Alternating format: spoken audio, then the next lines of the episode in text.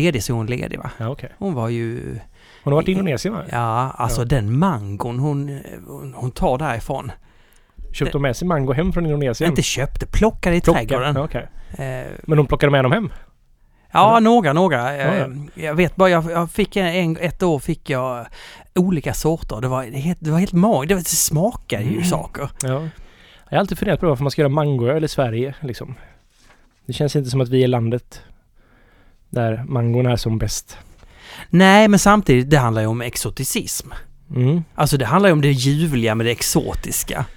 Jag menar alltså, jag menar, tänk dig du, du, du, du, alltså, du kanske ligga med en britt. Åh, en britt som har sin engelska accent va. Du, du, du, du tar exoticismen till en nivå. Så Mm. är det med mango i öl. Det är exotiskt. Ja, det är väl. Humle, vi använder amerikansk humle, det är ju nästan lika långt bort som Indonesien.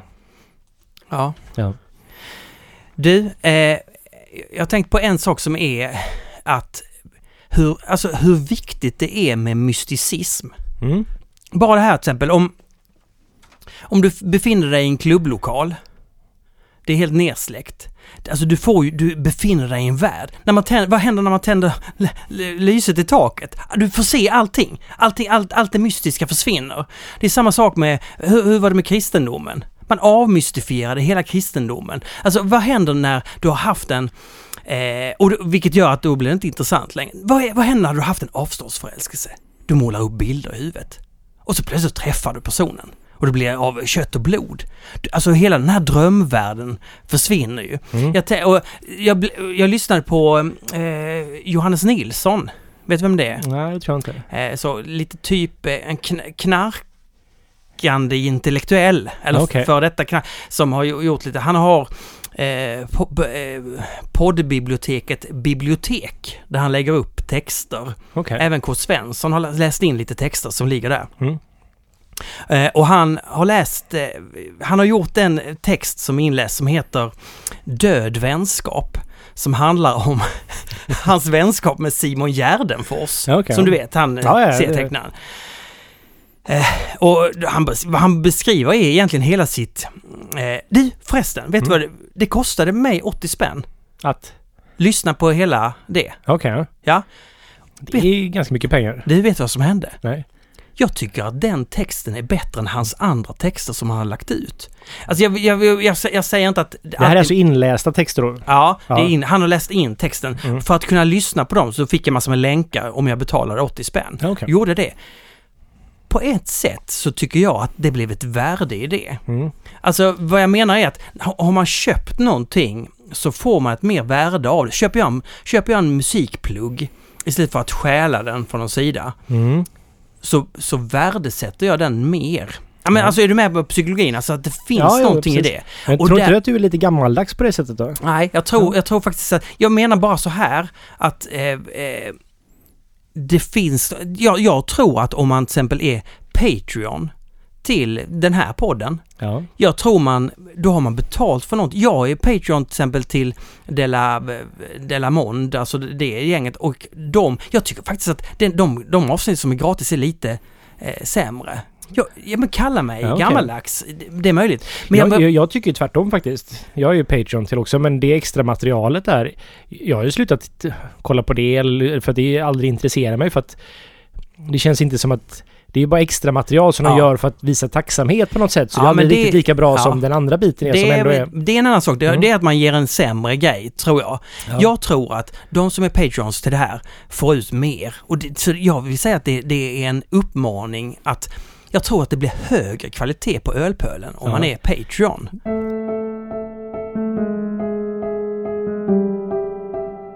Hur som helst, då skriver han ju om hela sitt liv, eh, den här Johannes Nilsson, eh, vilket är superintressant. Eh, hur, han, eh, hur han växer upp och hur han eh, verkligen går in för att prova alla droger och lever sånt, som ett sånt jävla drogberoende och testar olika saker och tycker det är jättespännande. Mm. Det som händer är att till slut börjar han dekoda, så att säga, eller dechiffrera vad som händer rent kemiskt i kroppen. Och när han har fått fullt klart för sig vad det är som händer så försvinner all magi. Mm. All mysticism försvinner och han blir helt ointresserad av drogerna. Och då kommer vi till dig, Olle. Mm. Det finns ju någonting med det mystiska i att inte veta allting hur exakt hur man gör ölet. Att man hela tiden, som du gör, du måste hela tiden skruva på det. Det är en levande organism på något sätt. Mm. Är det inte så? Eller vad, vad säger, alltså, Ja, vad säger jo, du om det här? jo, men det är, det är en viktig del i ens intresse liksom. Och en anledning till att öl har varit intresse för mig så länge är för att det aldrig riktigt helt och hållet avmystificeras på det sättet. Ja, men det har du helt rätt i faktiskt. Du, det här är din religion. Ja, men på sätt och vis. Ja. Ja. Nej men det är ju, mm, men så är det ju med många saker att man, det blir ju en extra, alltså jag, jag tror ju på Bigfoot, eller tror och tror, men jag vill tro på Bigfoot, tycker det är väldigt intressant för Bigfoot. Skulle det visa sig att Bigfoot faktiskt finns så hade jag ju, det hade inte varit alls intressant längre. Nej, det finns Nej. någonting i det som man inte riktigt avslöjar. Precis. Ja. Och så är det väl, även om jag känner att jag har kommit mycket längre så finns det fortfarande hela tiden, alltså det här går ju upp och ner för mig öl. Man kommer in i svackor och ja, till och från så blir det mer intressant och mindre intressant. Och det är ju, alltså det har ju varit lite en identitetssak för OO också att vi skulle ju kunna bli ett bryggeri som kanske bara fokuserade på IPA till exempel. Det hade Ja. kanske varit en bättre affärsverksamhet för oss. Liksom att, så här, att vi är ett nischat bryggeri som bara fokuserar på det här och försöker liksom göra det så bra som möjligt. Men då hade jag nog tröttnat på att brygga öl. Ja. Och då hade kanske inte ölen blivit bra på det sättet. Så nu håller vi på med suröl och det är en helt ny värld. Vi fatlagrar öl där jag... Jag har ingen aning vad jag sysslar med utan det här är liksom ett så här... Ja men nej, jag har faktiskt testat av tio fat i veckan här nu. ja. Som, ska, som är färdiga då, fatlagring. Men det är ju... Jag känner mig fortfarande så här, ska jag låta det gå en månad till? Ska, var det här för lång tid? Vad ska jag göra nu? Jag, det här är liksom... Ska man göra så här? Ska man blanda i vanilj i den här för att få bort de här? Runda till det? Det, det, Vad, är, Ja. vad är det för öl du fatlagrar? eh, det här har varit eh, Barley Wine och Imperial Stout då. Ja. Är, det, det är alltid den typen av sor, ölsorter som man fatlagrar? Nej, ja du kan ju få, alltså... Det här har varit bourbonfat då framförallt. Och då vill man gärna ha någonting som är allt, ganska alkoholstarkt. Som... Ja. Alltså barley wine i bourbonfat är för mig till som att så här, man bara gör det dubbelt så bra. Det är som en, Ja. det är en extra ingrediens som bara så här, men det här blir... Barley wine är väldigt gott i sig. Men med bourbonfatlagring så blir det bara så här ännu godare. Mm. Och Imperial Stout så är, där är det mer... Ja, viss... Ibland blir det lite vad man är sugen på men där funkar det kanske inte alltid lika bra tycker jag. Det krävs im- Imperial Stout för fatlagringen. Men sen så kan du fatlagra på massa olika sätt. Alltså när du gör... Alltså när du vildöl eller så här suröl och liksom ja, bland jästa öl. Alltså ja, suröl helt enkelt. Mm. Där tar du vinfat men där får du inte så mycket karaktär. Där är ju mer fatet ett, en behållare som du har ölen i där den får andas lite grann och mikroberna kan bosätta sig och göra sitt jobb bättre. Så att det är ju olika syften med det. Och, Men, och då menar du att träet är bättre att ha än att ha den i en ståltank? alltså eller? bättre och bättre men det är någonting, det är ganska billigt. Du kan bara stoppa undan det och så det tar ju liksom... Skulle vi ockupera en jästank i ett års tid så skulle vi kunna gjort 17 batcher öl i den tanken Mm. och tjänat 17 gånger så mycket pengar på den tanken. Du, när jag kom till er senast så stod ju de här eh, tunnorna eh, i ingången eller Ja, när man går ja, in. i första rummet där. Första precis. rummet. Det är ju väldigt snyggt. Ja. Det är, ju, alltså ja, det är väl en faktor? Ja, det är fint också. Men vi, vi jag köpte 26 nya fat här nu som ska komma snart, hoppas jag. Ja. Och ytterligare mer fat på gång. Nej, men och sen så jag har massvis med idéer på lite olika typer av både fatlagra, olika typer av barley wines och även andra öl och mixa lite med för att få fatkaraktären av den det som Mm. vart då innan i fatet kan man säga. Mm. Så jag ska göra tre funkiga och sura öl här nu som Funkiga. Ja, som får lite... Ja, men en, ja, en, ja. en kommer inte vara sur, men andra två kommer vara sura. Men där tänker jag att fatet ska få spela lite mer roll liksom. Det ska inte bara vara en, alltså en behållare då för Mm. det hela. Utan den ska liksom ge en karaktär och så. Blir det mycket hästfilt? Det hoppas vi. Nej okej, Ja. man, kan, man, man, kan säga så här att du håller verkligen fast vid det mystiska. Precis, och det, man, Ja. man söker det nya så att det är det är väldigt... Att OO inte bara gör IPA till exempel, även om IPA är det vi gör mest, Mm. så måste jag för intressets skull nog hela tiden hitta nya bitar av öl som gör Mm. att det, allting, helheten blir intressant. Och det handlar ju om att hålla fast vid någon form av mysticism i det hela liksom. Ja, det är sant. Mm. Det är bra. Eh, du, Vad har hänt? eh, Alltså sen sist har det varit jul. Ja, Men ni har väl kickat igång nu igen? eh? ja Efter slut, jul. slutar aldrig riktigt kan man säga. Ni slut... Nej, Nej. okej. Men så vad har hänt sen sist på OO? Nej, vi har bara bryggt öl faktiskt. Inga resor, ingenting. Eller vi var i Köpenhamn med bryggeriet men det var nog kanske innan vi spelade in senast. Jag kommer inte ihåg faktiskt. Men det var trevligt. Det var bara en sån weekend vi, ja, Ja. med våra anställda. Ja då, Andreas och Erika då, så det var var fyra stycken som var där. Det var fyra stycken som var i Köpenhamn. Ja, men det var Och- väldigt trevligt. Vi var och- besökt, pratade vi om det här förra avsnittet? Det gjorde inte. Det vet jag inte. Alltså minnet är ju inte bra nu för tiden. Nej, men alltså det tycker jag är någonting vi alltid ska återkomma i varje Mm. avsnitt. Och det är att undra, har vi pratat om det här? Får man gissa att ni gick på Charlies brygghus? Eh, Charles Bar. Ja. Ja, det är inte ett brygghus Martin. Men... Nej, det ligger i Kristianstad. Eh, Vinslöv. Nej, Ja, precis. Charles inte, brygghus. nej, Ja. Fjälkinge. Ja, precis. Ja, någonstans där i Kristianstad. det heter väl så? Ja, Charlies. Det heter Charlies bryggverk eller brygghus, ja. Ja. Ja. Just nej, men på Charlies bar. Precis. Där var vi väl lite snabbt. Men där, där var det lite synd för att vi, vi trodde att vi hade tid, jag, Eric och Andreas. Jag bara såhär, vi måste... För vi skulle käka dansk julefrukost. Ah. Som Olof då har hypat upp i flera år. Han bodde ju i Köpenhamn i sju år och det här är ju tydligen en tradition man gör i Danmark att man äter... Danskar är ju konstiga. Dels så räknar de på ett konstigt sätt men så också frukost är ju typ lunch. Och lunch? Eller jag vet inte. Nej. Det har man vänt på det här fallet. Ja. På så här. Så att och julefrukost är då en väldigt dansk tradition. Att man som företag, så Olof säger att man, man har en jullunch då med företaget, en med familj och en med vänner liksom. Så man har tre stycken. Och för Olof var det som att hela december och ibland lite av jan- november var ju liksom med alla deras kunder och sånt på det företag han jobbade förut. Så det var ju väldigt mycket bara varje vecka ut och dricka öl mitt på dagen med danskar liksom. Mm. Men så han ville att vi skulle gå på det här och det var min första och det var väldigt trevligt. Man äter allting på bröd. Så man får så här mörkt Mm. bröd som så, här, Mm. så gör man sina egna smörrebröd av ja, typ som svensk julmat lite grann med Ja. mycket sill och sådär. Men det var Mm. jättegott. Ja. Och så dricker man snaps som är fylld på sån här så att liksom ytspänningen liksom ligger över. Så att den är liksom över, det är mer i den än vad den får plats egentligen. Men eh, på vägen dit då, Olof skulle möta oss där och vi hade missuppfattat tiden. Så jag trodde vi hade en timme på oss. Jag bara, det här är perfekt. Då går vi till Charles bar, det ligger i närheten. Precis när vi satt oss ner, fått in varsin Timothy Taylors Landlord. Som är en av de bästa brittiska ölen som finns. Speciellt om man får den på kask. Det är första gången jag dricker den på kask överhuvudtaget. Jo, nej det är det inte. Förlåt. Det är andra eller tredje gången kanske. Men och det var så här, vi satte oss ner och Olof bara, var är ni någonstans? Vi, vi, vi ska vara här nu. Och vi bara, nej, vi trodde det var om en timme. Så vi fick hälla oss den och springa dit. Var den god? Ja, det var jättegod. Ja, Ja. just det. Okej. Och så var det väldigt fint och väldigt juligt där inne. Man hade så här granar i, ja, i taket och, eller granris kan man säga. Mm. Så det var fint. Men det roligaste var att vi besökte Empirical Spirits som jag tror Fredrik pratat lite om tidigare. Mm. Ute på Räfsnahalvön där som ligger i samma lokal som Broden and Bill då som är Amassa restaurangs nya bryggpub. Grej som har funnits i, ja de firar ett år nu tror jag. Men det besökte vi, fick en guidad tur då på hur de gör sprit. Och det Ah. var väldigt intressant. Det är ju gamla, som allting är i Köpenhamn så har ju det här någon form av koppling till Noma. Så det är Aha, allting som har med mat att göra har med Noma på något sätt. Någon som har jobbat där tidigare eller Ja. sådär. Så då var det att de gör koji-fermenterat. Istället för att mälta korn då så fermenterar de det med koji jäst som är typ det man gör miso på tror jag. Det är koji-fermenterat.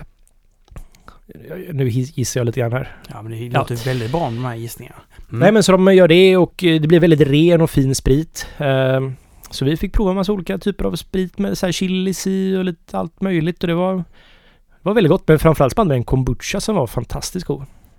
Så det var, det var väldigt inspirerande faktiskt. För här är, känner man ju, det är ju också en sån bit som är liksom när man har utforskat allting i öl och fått återkoppla till det här med när man inte, när man vill hitta ett nytt spännande område där man inte kan någonting i. Mm. Så är ju faktiskt, för att man kan ju bara destillera öl så får man ju sprit liksom.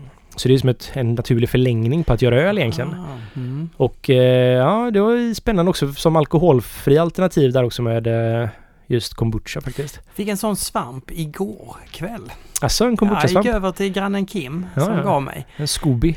Ja, det, han sa att den såg äcklig och slimig ut. Och då sa jag, men vadå, att det ser så här slimigt ut, det kan väl, behöver inte vara äckligt. Det kan väl vara lite mysigt och det kan väl vara vackert till och med. Ja. Varför måste slimigt se väldigt äckligt ut? ja. Det kan väl, kan inte det vara väldigt vackert och se väldigt mjukt ut? Ja. Eller? Eh, ja, jag vet inte. Ja. Jag lyssnade faktiskt på en podd idag. gastro... En, jag kan faktiskt rekommendera en väldigt bra podd. En... Eh, jag ska bara kolla vad den heter. Vänta lite. Gastro? Ja men, Kanske inte gastro? ja, men i amerikansk podd i alla fall. De... ehm, ska vi se. Ga- Gastropodd heter den. Kan jag rekommendera. De eh, går igenom ja, kulinariska fenomen och sådär på ett väldigt bra sätt och gör mycket research. Och så pratar de om...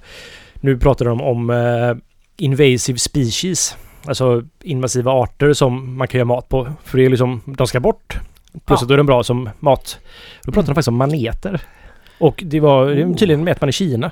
Ja, de är slimiga. Ja, de är slimiga precis. Ja, ja, Så det handlar, ja. jag tror det handlar lite om att man bara ska vända på den grejen bara för att det är slimigt. Så jag tänker att manet måste vara jätteäckligt, men så som de beskrev det låter jättegott. Men fräs på dem med lite krispig yta. Ja, men det var precis det de gjorde. Ja, ja, så att det ja. fick den här slimigheten. Kan jag tro det du? Ja men jaha. Ja, Ja men, det, men, men, men eh, ja, men, eh, men en Scooby är ju, ja, det roligt att göra kombucha. vi får se Ja. Eh, hur det kan bli. Mm. Men du, jag vet ju att det har hänt någonting annat på bryggeriet. Har du? Ni har ju skaffat en merch-shop Ja, som ja. lever. Just det. Ja, men det var Ni har ju haft de här tröjorna, ni beställde massor med Alltså, vi tröjor. hade ju en merch shop förut också. Ja, Ja, men, Men- den var ju inte så... Det var inte så... Alltså... Vi promotade aldrig riktigt den och det var väl ganska... Om man beställde så kanske det dröjde en månad innan vi skickade sakerna. Ah. Det var, var inte så snyggt av mig och Olof kanske. Men nu har vi en person som driver den åt oss. Som är också lite social media-ansvarig och sådär. Så, eh, ja. Det har gått jättebra. Vi har fått jättemycket beställningar. Ja. Och det är lite roligt att få göra det seriöst också. Att man... Ja. men är det ni kör bara med det här OO-trycket? Nej, vi har lite allt möjligt. Va? Men, men Ja. vadå, har ni mer än OO-trycket? Eh, Ja, det, vi har ju Narangi-tröjan till exempel. Ja, ja, ja, Ja. oj, ni har ju... Ja. ja, det är sant, det är sant. Vi har Ja. Narangi-t-shirten också. Vi har påsar med O-trycket på. Åh, Ja, på. precis. Vilken, Nej, ja, men vilken är din favorit av alla? Min för, jag, jag gillar ju väldigt mycket Narangi-tröjan faktiskt. Jag tycker den är subtil. Förutom det här att folk petar med solarplexus när de Ja. petar på narangi Alltså jag tycker att det är, alltså vil- vilken bra, det här, alltså in och köp, in och köp! Det Mm. här, nej, nej, vad jag tänkte säga var, jag gillar alltså eh, hoodien bäst. Mm, hoodien är min favorit också. Den är en väldigt bra tröja för de nej men pengarna det faktiskt. var väldigt, den är väldigt skön. Det är den faktiskt. Och, det, och plus att den här, den här luvan blir som en halsduk. Lite Mm. grann, alltså när man, när man tar på sig en jacka utanpå så liksom blir den jättefin runt halsen där. Ja, men det är sant faktiskt. Jag är väldigt nöjd eh, rent så. Ja, nej men jag vet inte. Sen så... eh, Jag, jag vill ju också göra en vit tröja med svart tryck. Det hade varit fräckt tycker jag. så det, det hoppas jag kommer snart. Ja. Ja, de blir skitiga lätt men det, det får Alltså ni är så ja. tokiga, det, det kan Ja, bli... herregud ja. Men eh, vi, har, vi har faktiskt beställt glas. Så det ska komma snart. Som vi kommer att sälja. Nej! Jo. Vad är det för glas ni har valt? Mm. Vad är det för sorts glas? Man kan inte välja vilken sort. Nej, det var svårt faktiskt att välja glas. Men eh, Herre. jag har ju ett glas som jag tycker är det bästa allround-glaset som funkar för nästan alla öl. På ett sätt. Alltså för mörka och starka öl kanske Mm. inte funkar jättebra. Men för allt annat så funkar det väl bra. Och det är Willy Becher. Willy Becher. Willy, Willy. Så Willy. Då kommer det 03 och 04 snart hoppas jag. De, Är, skulle- är, det tjock, är de tjocka eller tunna? de är väl eh, lagom tjocka tycker jag. Jag tycker att ölglas ska ha lite tjocklek i sig. De ska inte vara för tjocka men vinglastunna vill jag inte ha dem heller. Nej, det vill jag. Ja, men det Eller ja, ja, Men- men, ja, jag vet inte. Jag tycker det känns lite fel på något sätt för öl.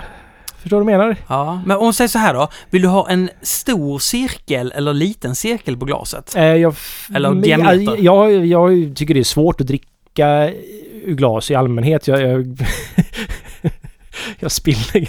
Ja men Så det, att- det är en jätte... Tänk dig själv. Du ska föra upp och så ska du hälla någonting som är väldigt Det är så mycket flytande. koordination så Och så, så det, är munnen, alltså nej jag, jag, jag brukar säga det men min fru bara skakar på huvudet. Vad, Ja. vad menar du? Hallå det är väl bara att dricka men, men jag... Nej, men så jag gillar ju så här robusta glas med en lagom stor öppning. För till exempel så här champagneglas kommer ju i två modeller. Ja. Som, finns ju den här väldigt smala flöjten liksom. Mm. De är ju jättejobbiga för att jag vet inte riktigt så här, jag, man får dem på näsan och de är mest i väder och jag känner mig jättefå osäker när jag dricker och sådana. Sen så har vi den andra, den här klassiska 20-talsglaset tänker jag att det är. Det kanske Ja. inte är 20-tals, 30-talsglas du vet, som är så här. Ja det här riktigt öppna. Ja, det är, det, där rinner det bara från sidorna. Ja, men det är för öppet alltså. Ja, precis. Så någonting mitt emellan där. Jag tänkte på en grej. Jag var ute och sprang och du bara, kom till ibland, när jag- ibland när jag är ute och springer så kommer det saker till mig. Mm. Eh, jag har ju sagt så här att män tänker bara på fortplantning. Just det. Eh, och det menar jag ganska mycket. Alltså att, att vi, vi har skapat så att vi alltid är redo för det. Mm. Liksom, när, när en man säger nej till en kvinna så är det det mest onaturliga som händer. Egentligen. Ja men alltså, och det är klart, har, om man då har, om man är, om man har ett engagemang, då är det ju, då har man ju det engagemanget och det då, då kan ju den kulturella, eh, då kan vi, då kan vi ju vara kulturaliserade på det sättet att vi ändå säger nej. Ja, att ja. vi, alltså överjaget, det är ju väldigt fint att ha ett starkt överjag. Du menar då att man, om man redan har ett engagemang så är man redan safe på den punkten liksom, så man behöver inte mer engagemang helt enkelt? Nej, men man behöver inte låta underjaget, alltså detet, eh, bara sätta på allting. Utan man, man kan liksom bara coola ner sig lite grann. Man kan begränsa sig lite grann. Man kan begränsa sig. Ja. Men, du vet, så vet du också den här grejen att, du vet att det här med att hålla flera bollar i luften. Mm. Det är ju gamla, alltså, vi ska inte hålla på med sånt här, såna här gamla dumma, dumma, dumma ordspråk liksom att kvinnor kan hålla flera, kan göra flera saker samtidigt. Ja, just det. Va? Men det man inte tänker på då, det är att så fort en man inte fortplantar sig så har han två saker i huvudet samtidigt. Alltså spelar jag tennis så har jag två, då tänker jag på två saker. Jag, alltså jag är, jag är, alltså det är klart att jag tänker på tennisspelet då. Men, Men- vad, vad, varför skulle det vara skillnad på män och kvinnor i fortplantnings... Nej, jag, Tänker inte de på det också lika mycket som vi gör? jo, men jag, då menar jag så här att eh, det, det fina med kvinnor är att de Mm. kan stänga av. De behöver inte alls, de behöver, de behöver inte ha det som en matta i allt. I, i, Är du säker på det då? Ja, men jag, är- jag är säker på det. Jag, jag är säker på att de kan slå på det lika mycket som en man kan slå på det. Mm. Och vara lika fortplantningsbenägna. Ja. Mm. Men, Men inte som allmänt bakgrundsbruk nej, konstant? de kan bara stänga av det och fokusera på någonting annat. Ja, okej. Och då frigör ju de, de delar av hjärnan, så de kan, och de, då kan de bolla med två saker. Ja. Ja, jag vet inte om jag håller med dig helt och hållet. Nej, det behöver inte göra. Nej, alltså, det är oerhört... Alltså, jag, jag blir äldre och äldre och kommer till mer, mer gråa tankar om, om sådana här saker. Blir mer och mer biologistisk liksom i, Ja. i mitt sätt att se på saker och ting. Men på ett sätt, det handlar ju om kanske bara hitta lösningar bara se saker för vad de är liksom. Eh, Ja. på något sätt. Eh, Men hur tänker du på det här med så här, jag tänker på manlig konkurrens finns ju väldigt mycket. Är det samma sak där lite grann? Att det går då ihop lite grann med... För jag tänker manlig konkurrens är ju en ganska, det är ju en drivfaktor för många vet jag. Och att det är någon form av att det är en, det ligger ju hela tiden där som någon form av bakgrundsbrus liksom. Är det kopplat till den här driften också då? Att man egentligen vill visa sig bättre än andra män så man Ja. har större Ja. chans att fortplanta sig liksom? ja. Ja. Är det, men inte samma sak eller är det... Det är samma sak, därför ja, men det jag, jag säger att det, det, det hänger samman med, med testosteron. Alltså vi kan inte bara prata om hormonet testosteron, för det finns också en kul, där finns ju också en kultur, alltså att vi har kulturaliserats, kulturaliserats, det Mm. ordet du, eh, in i, nej men att vi har kommit in i ett visst sätt att vara och sådär och fått det eh, från samhället såklart. Men du har också det här, varför, varför ska man vara, vara bäst då? varför ska man slå, varför, varför slåss män mest? Ja, är det bara kulturellt? Nej, inte bara. Det kanske är en del av det, men inte bara, verkligen inte bara. Eh, så, och det här med tävling, varför, varför, varför måste man göra chunky guacca? Varför måste man göra det till en sport? Varför måste man skriva en bok om saker och ting? Varför kan man inte bara göra det? Nej, för man tävlar hela tiden. Man tävlar och man, man gör det Varför ska till... man brygga den humligaste ölen? Ja, ja, man gör alltid till projekt. Man, för det blir intressantare. Man kan inte bara göra det. Men jo, och vem kan bara göra det? Jo, en hel människa. En hel människa som inte behöver göra... En kvinna helt enkelt. Som har en balans i hjärnan. Mm. Så tycker jag. Ja. Nej, för det jag tänkte komma till var att den här, den här konkurrensen, den manliga konkurrensen, Ja. kan jag uppleva som att den kan föra positiva saker med sig ibland. Att den faktiskt, om den hålls i någon form av rimlighet så att säga, att man... Det finns en... Alltså konkurrens är ju oftast bra för utvecklande liksom. Kan det vara. Ja. Det kan det vara, absolut vara. Men precis, eh, det kan det vara. Men det är den men andra sidan av myntet som för någonting bra med sig kanske, på ett sätt. det kan föra någonting bra med sig. Men om du får in många män Ja. på en arbetsplats så kan du också få ett oerhört ryggdunkande. Och då plötsligt kan, ja men jag kan våldta lite här och så kan resten bara hålla mig om ryggen. Mm. Och alla kommer att ställa upp för varandra, man kommer att se förbi det där, för man är män, man tillhör, eh, man tillhör eh, en grupp som är normen och inte behöver bry sig om de, de som inte ens tävlar på ens nivå. Nej, nej, tycker jag. precis. Ja. Alltså jag, att du har anställt, eh, eh, att du har anställt en bryggare som, att den första anställningen var kvinna är ju helt lysande, tror jag. För, och jag tror, för jag tror det är viktigare eh, med den blandningen för eh, arbetsplatsens, hur man har det på en arbetsplats faktiskt. Ja, det tror jag med. Jag, jag tror det kan vara bra av andra anledningar framförallt egentligen. Jag tror det här är en ganska liten bit i det hela. Men det, är- det är ju det är ju bra att ha en blandad arbetsplats. Och det var ju... Alltså Erika var ju vår toppkandidat hur som helst liksom. Men vi tänkte ju på det att vi här faktiskt... Ja men det hade varit bra för oss. Alltså för OO tänkte vi att... Ja men det är nog bra att ha en... Den första kan vara en kvinnlig anställd. Men det visade sig att den bästa vi hade som sökte jobb hos oss var ju faktiskt Erika. Men ni fick så många som var kvin, kvinnliga. Ja, det var ju, men det pratade vi om när vi höll på med det här. Men jag tror av de fem toppkandidaterna vi hade så var tre av dem kvinnor. Ja, det var de. Och det var ju bara på ren att det var de som vi kände mest för av ren kompetens också liksom. Så det är... Jag vet inte, vi, vi kanske får andra sökande än vad många andra bryggerier får. Jag har ingen aning. Men hur gör, men, för, det, det, vi har ju den här alltså att, men vi, vi, vi bad ju massor med personer söka och då, det blev ju bara män. Och det är inte så konstigt om man då har, om de cirklarna som är runt mig är mest män som jag känner. Mm. Men har du, men är dina cirklar så att du känner lika många män och kvinnor eller vad? Eller ni då som företag? eller? Nej, jag är väl kompis med mer män än vad jag är med kvinnor tror jag. Ja, Ja. men hur, hur kan det, kom- kommer det sig, hur utformar ni annonsen på något visst sätt? Alltså jag liksom? vet faktiskt inte. Jag vet inte om det har med OOs eller bilden av OO eller något liknande. För jag funderade faktiskt på detta och jag har väl pratat med andra om att alltså att vi, vi fick nog mer kvinnliga ansökningar än vad det här jag gissar ju nu för jag vet ju inte exakt men jag får den känslan i alla fall. Och jag var själv förvånad hur många det kom in faktiskt. Mm. Men sen så Alltså jag- tror det bygger väl också lite på att internationellt sett så finns det ett större I Sverige så är det ju väldigt mycket män som jobbar inom det här dessvärre. Men internationellt så tror jag det kan vara lite mer blandat på ett sätt. Och att vi kanske fick väldigt, för de flesta var ju internationella ansökningar vi fick. Mm. Men, du, för, men du hade aldrig en tanke som var så här, jag, jag ska anstränga mig för att få in inte för, inte för att du ska, jag ska anstränga mig för att hitta bara kvinnor, utan mer, jag ska anstränga mig så att kvinnor också söker. Du hade inte dem... Nej, inte så.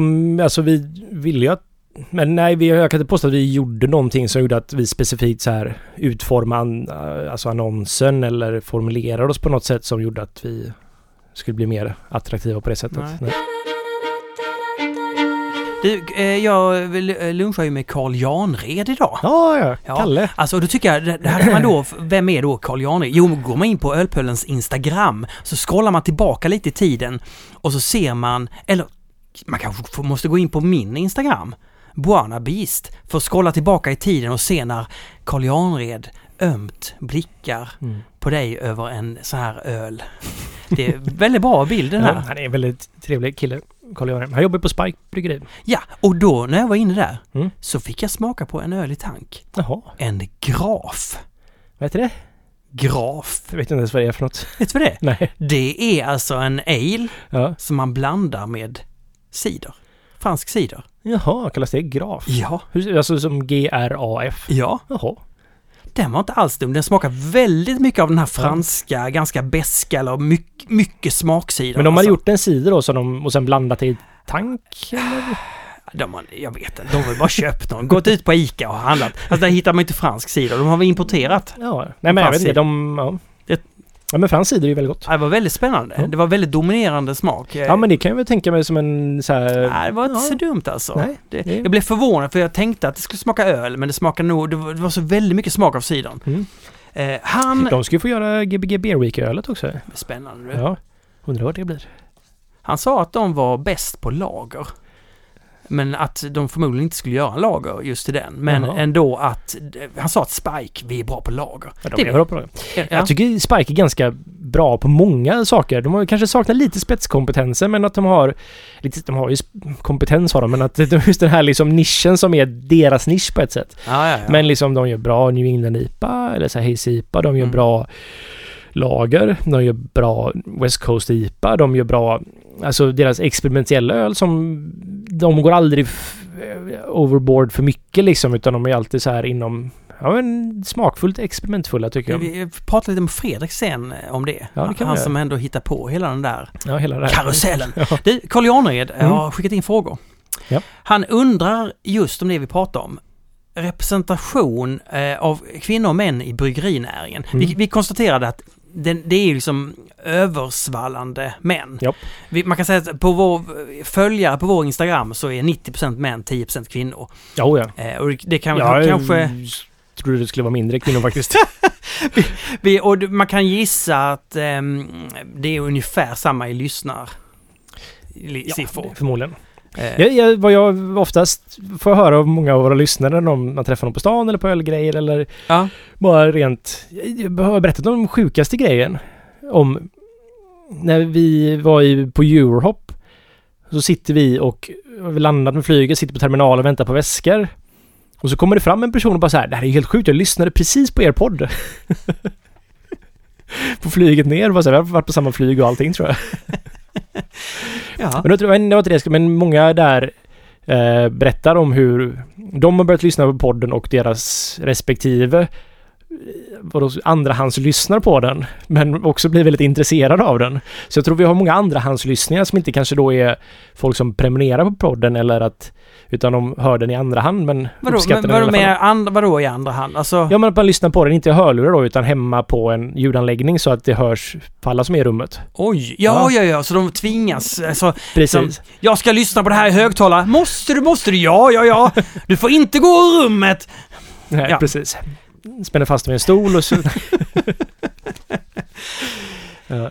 Men vad tänker... eh, Alltså, är det... Alltså, man kan, jag tycker snarare så här. Jag tycker så här. Mm. Att jag tror det är bra för företaget, företag om man har en blandad kultur rent, alltså rent mänskligt och rent eh, för, arbetsplatsmässigt. Verkligen, och det är ju här, alla har ju olika erfarenheter som är väldigt viktiga att ta in på arbetsplatser. Det är ju liksom det en arbetsplats ska göra tycker jag. Att liksom dels då ta in ens anställdas kunskaper, tankar och deras till, tidigare erfarenheter så att det kan bygga på företaget liksom. Det är ju det som är skapar värde i ett företag på lång sikt. Att man liksom utnyttjar sina anställda, eller man betalar för sina anställda, men att man faktiskt också då vågar ta in deras kunskap liksom. Det kan vara svårt för jag till exempel har mina idéer om hur jag vill göra saker och att man... Det Va? kan vara ibland svårt att lämna över lite du? ansvar. Ja, det, jag kan ha den tendensen. Att jag, men det får man ju kämpa emot liksom och då får man ju också lyssna på dem och det är ju väldigt bra då att ha personer som har väldigt mycket olika erfarenheter och det kan vara att man har dels svenska, man har internationella, man har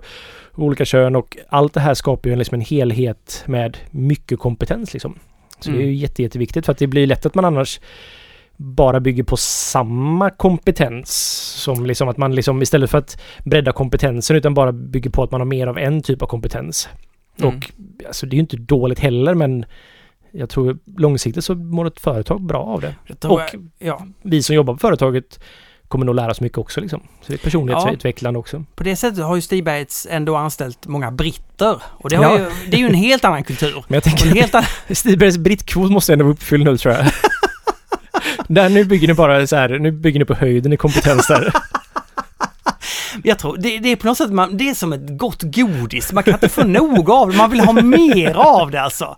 Vi, har, vi, alltså, vi, vi på kontoret, vi har börjat talla på dem liksom. vi, vi är så glada i dem alltså. Så att säga. Det, Ja.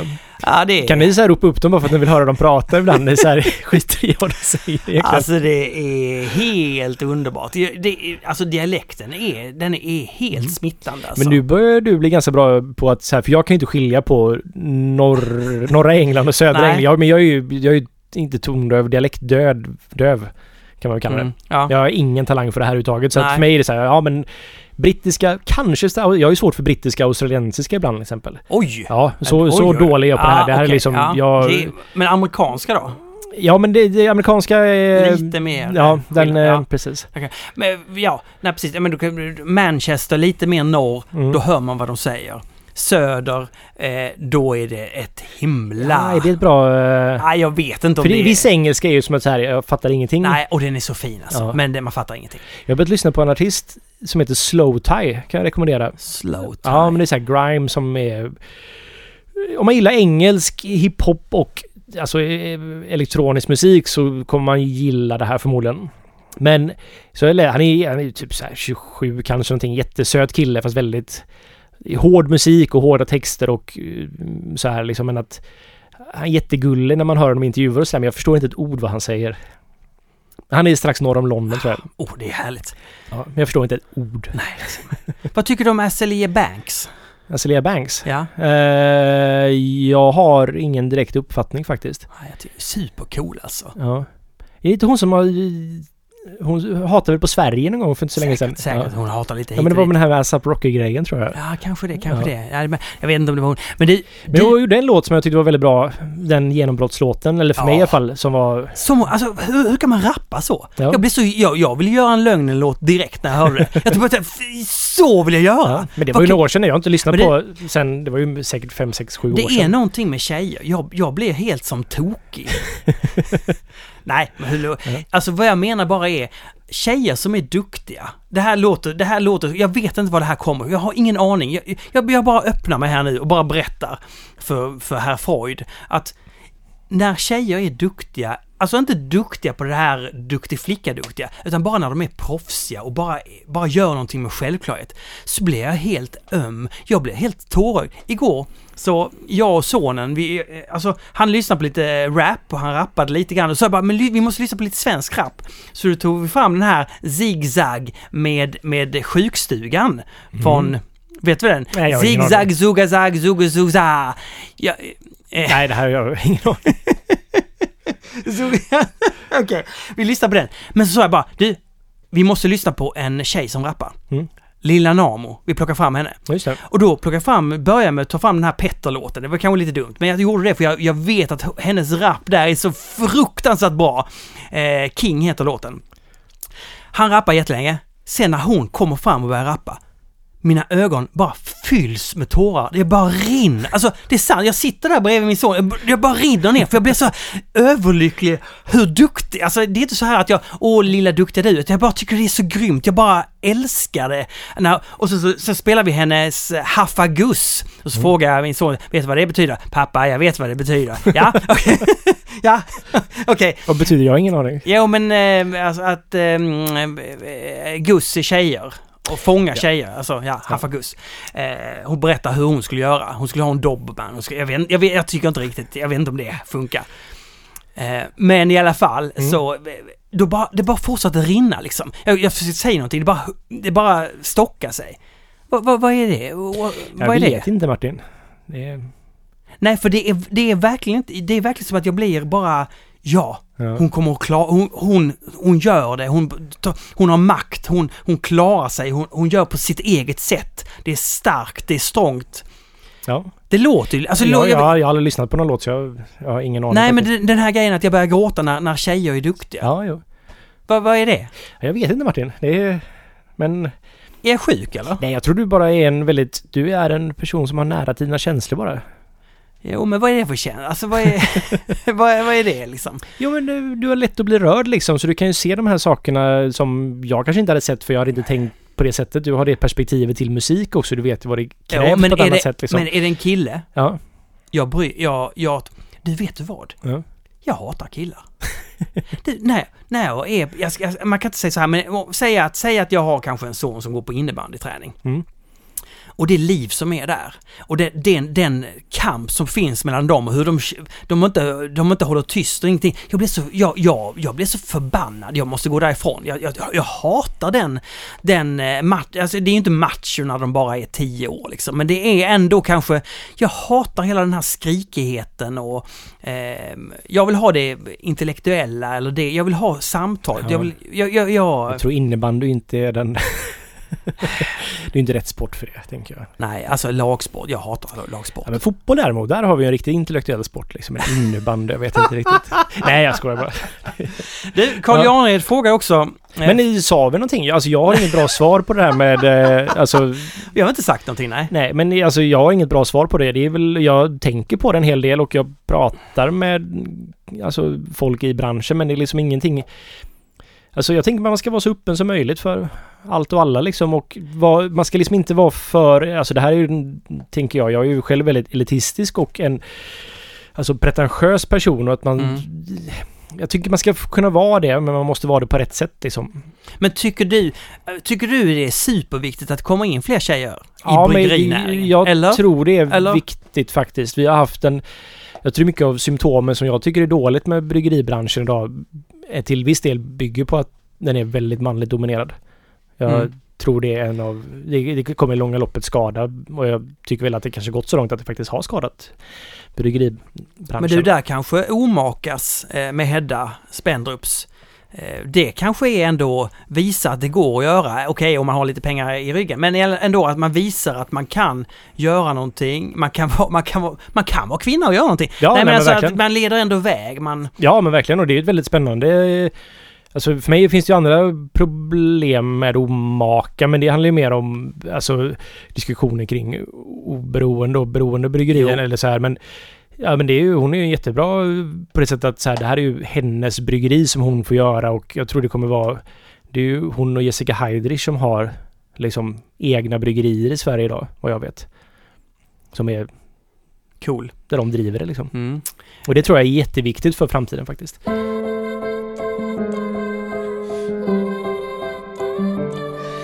Då undrar också Carl Janred, vad skulle få er att tröttna på att arbeta med öl? Eh, ja, eh, alltså... Bra fråga faktiskt. Det här är väl någonting som jag har lite tänkt på, lite diskuterat med Olof faktiskt för att... Eh, Ja men i höstas så kändes det lite som att man var lite trött på det här och det här har vi nuddat vid tidigare att det finns, man, det går lite upp och ner. Till exempel humlig öl kan jag bli jättetrött på. men det blir ju varje år. Jo men det är ju, men det kommer ju i så här, det är ju som en upp och ner, som en berg och dalbana bara det här liksom. Men nu gillar jag humle igen faktiskt. Eh, Jag tycker det, men oh, nej, ja. jag kan Ja. också bli lite så här, jag kan bli lite trött på ölbranschen ibland. Den är så... Det här med... Och alltså... Det känns fel att klaga på ett sätt.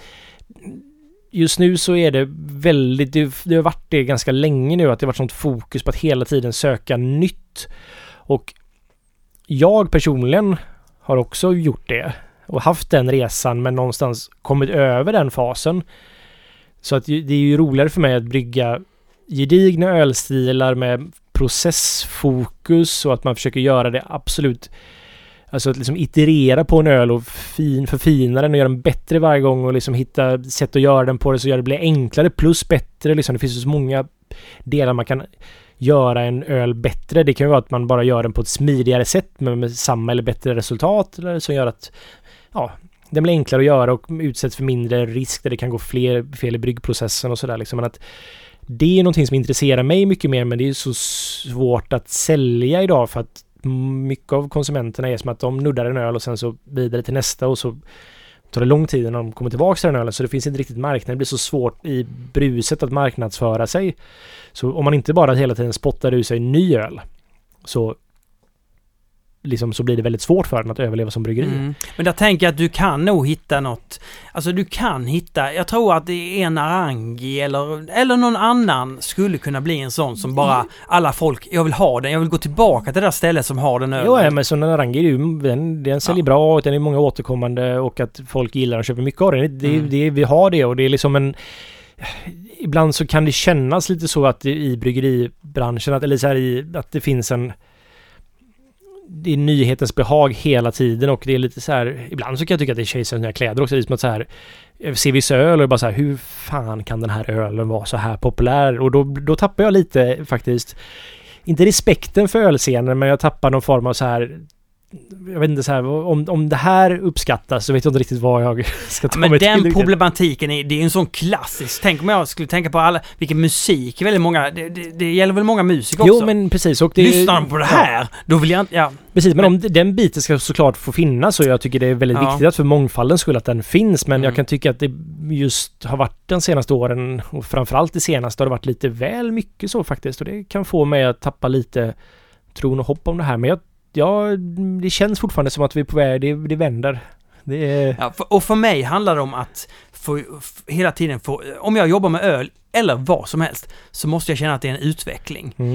Eh, att, det är en ro, att det finns någon rolighet att jobba med det och roligheten kommer i att man får upptäcka nya saker, lära sig nya saker, Mm. lära sig nya engelska dialekter, få lyssna på dem väldigt mycket, lära sig engelska Ja. till exempel.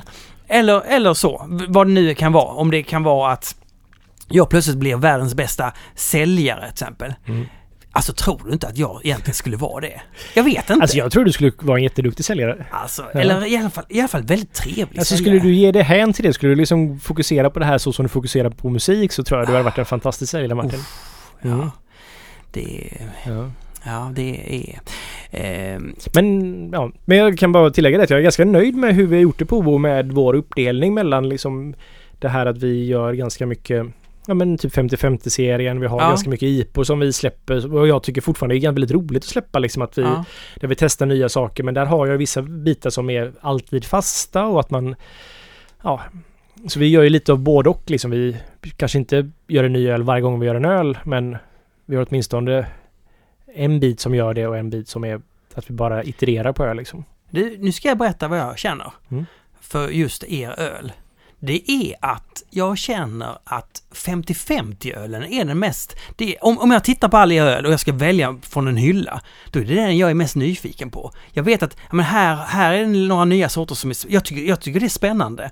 Och det, då, I och för sig, då finns det här nyhetsvärdet, men jag blir samtidigt trygg av att ja, ni har den här eh, formeln för det. Ja, ja, det är en IPA, den är förmodligen 6,5. Det är den, den. den, den har två humlesorter i sig. Ja, hur stor skillnad kan det vara? Ja, lite grann. Ja. För det är... Nej men ju, basreceptet är ju detsamma på alla och sådär och Ja men till exempel som Icko, den här dubbellipan vi gör där vi liksom antingen tar Citra eller Mosaik då. Vi kanske kommer göra någon framtida variant också men eh, just nu så känner jag inte för riktigt vi göra det utan det är så här, ja men de kan vi släppa lite då och då och de är, ja, ja men jag tycker vi har haft, hittat en ganska bra balans i det här liksom. Inte effektsökeriet men det här med att man gör nya öl hela tiden och då dels har sina fasta klassiska öl som man alltid gör. Inte klassiska men ja, sina ja, öl man har årligen eller har året runt helt enkelt. Som sista fråga frågar. Carl Jardenred. What's the fucking point? eh, då, då, den, den kan ju vara... Alltså det kan ju vara med livet. Det kan ju också vara med vad är för mening att brygga öl. Alltså du kan ta det, du kan svara på dels eh, livet. Vad är det för Mm. mening med livet? jag vet inte Och, Martin. nej, okej, det var det. Ja. Och sen vad är det för mening att brygga öl? Jag vet inte Martin. Nej, Nej. det är sant. Eh, och jag kan säga dig Karl, det finns ingen mening. Det finns bara en biologisk mening och det är fortplantning. Annars finns det ingenting Gå annat. tillbaks till det ja. ja. Nej men det är väl... Eh, alltså jag vet inte. För mig handlar det om det här att det här är en personlig utveckling och jag... Någonting ska jag göra med min tid så att... Och det här passar mig väldigt bra. Helt enkelt. Någonting ska jag göra med... Ja, Ja, du det är rimligt. ja Det är precis. rimligt. Eh, Jag blev helt slut efter det. Det var ju tre väldigt tunga frågor kände jag. Ja, men det är sant, det är sant, det är sant. Alltså där har vi, där har vi åter det här, alltså allting är meningslöst va, det Mm. har du. Men fortplantning är me- meningsfullt rent biologiskt. Övrigt så är det så här, för att ta bort tankarna från den här meningslösen, då är mitt tips så här bara, skapa ett projekt, gör någonting.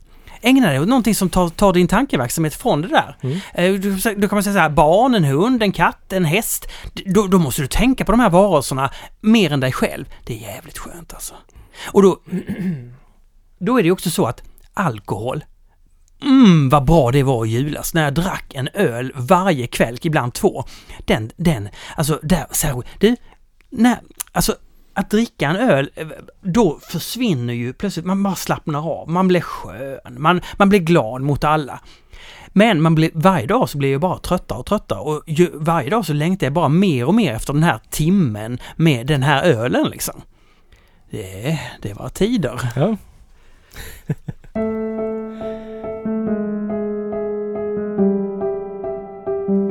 Johanssons i.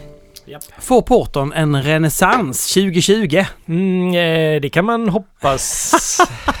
Det är klart den inte får. Det är väl alltid en marginalprodukt. Den hade väl, sin, den hade väl sitt på 1800-talet? ja, den Eller? har haft sin storhetstid skulle jag gissa. Ja. Men jag tror så här, jag tror många, jag skulle inte säga att den får sin renässans, men jag tror den kommer bli kanske lite populärare den är nu. Jag tror liksom en, de här lite bra klassiska ölstilarna som alltid funnits där, de här trotjänarna, har lite fallit i glömskan de senaste åren. Jag tror de kommer få ett litet uppsving, men det är nog inte så här att Porter kommer få någon renässans för det, men den kommer liksom i alla fall bli lite mer uppskattad. Men det är lite roligt att säga. Jag såg att Dugges har släppt en Porter nu i TSLS här nu i Göteborg. Ja, Stigberg släppte promenadporter. Exakt, och jag såg att... Eh, men den har inte kommit bolaget än va?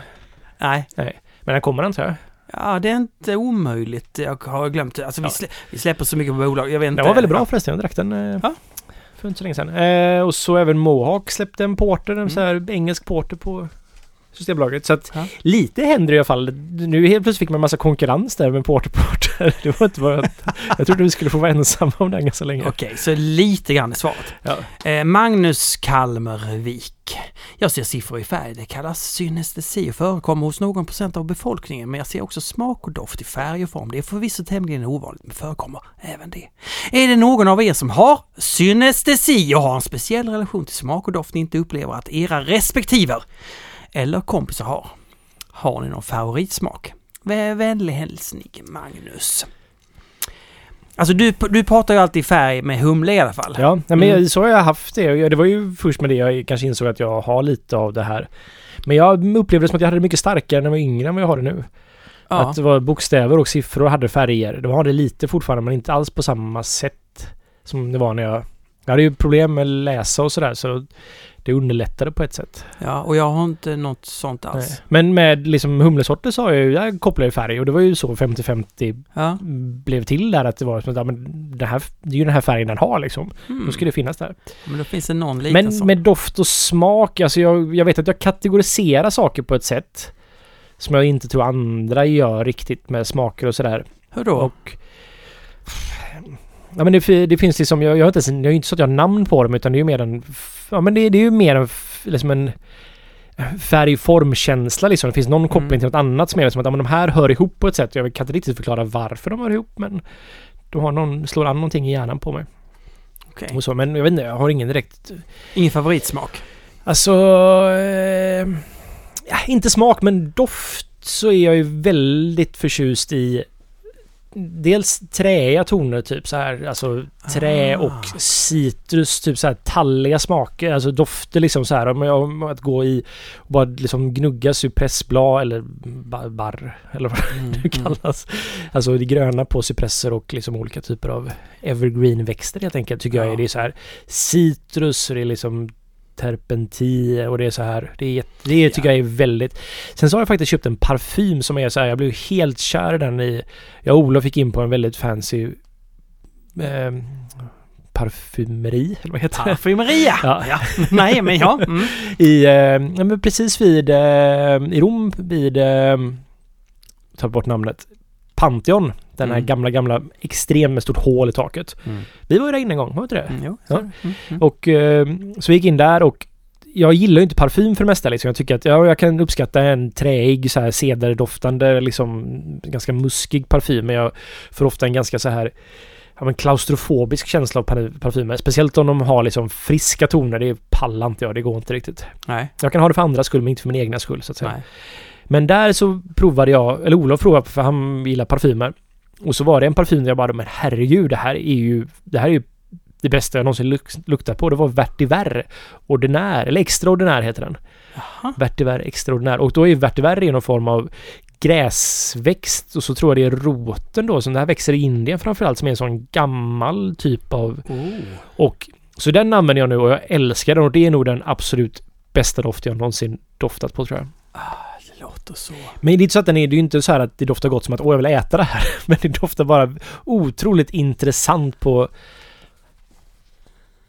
Ja men jag, då, och nu kommer det lukta Martin lite grann.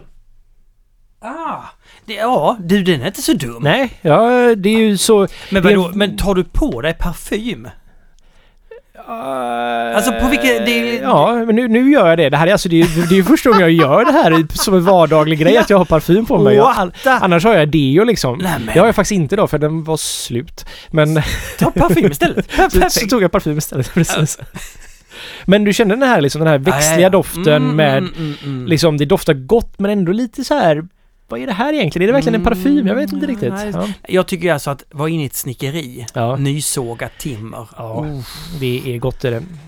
Speciellt när så här om man typ slipar på trä och det blir lite varmt träet också. Det är fantastiskt den doften. Mm. Krokodil-Tony. Olle nämnde några ställen om vart man kunde beställa humle flera avsnitt tidigare. Ja, Hittar inte avsnittet! Så frågan är, vart hittar jag humle? Alltså han menar då var. Ja. Han menar inte riktningen. Nej. Vart ska jag åka för att eh, få tag i humle som är så bra? Ja. Då mina öl blir bra. du är sån ordmärkare Martin.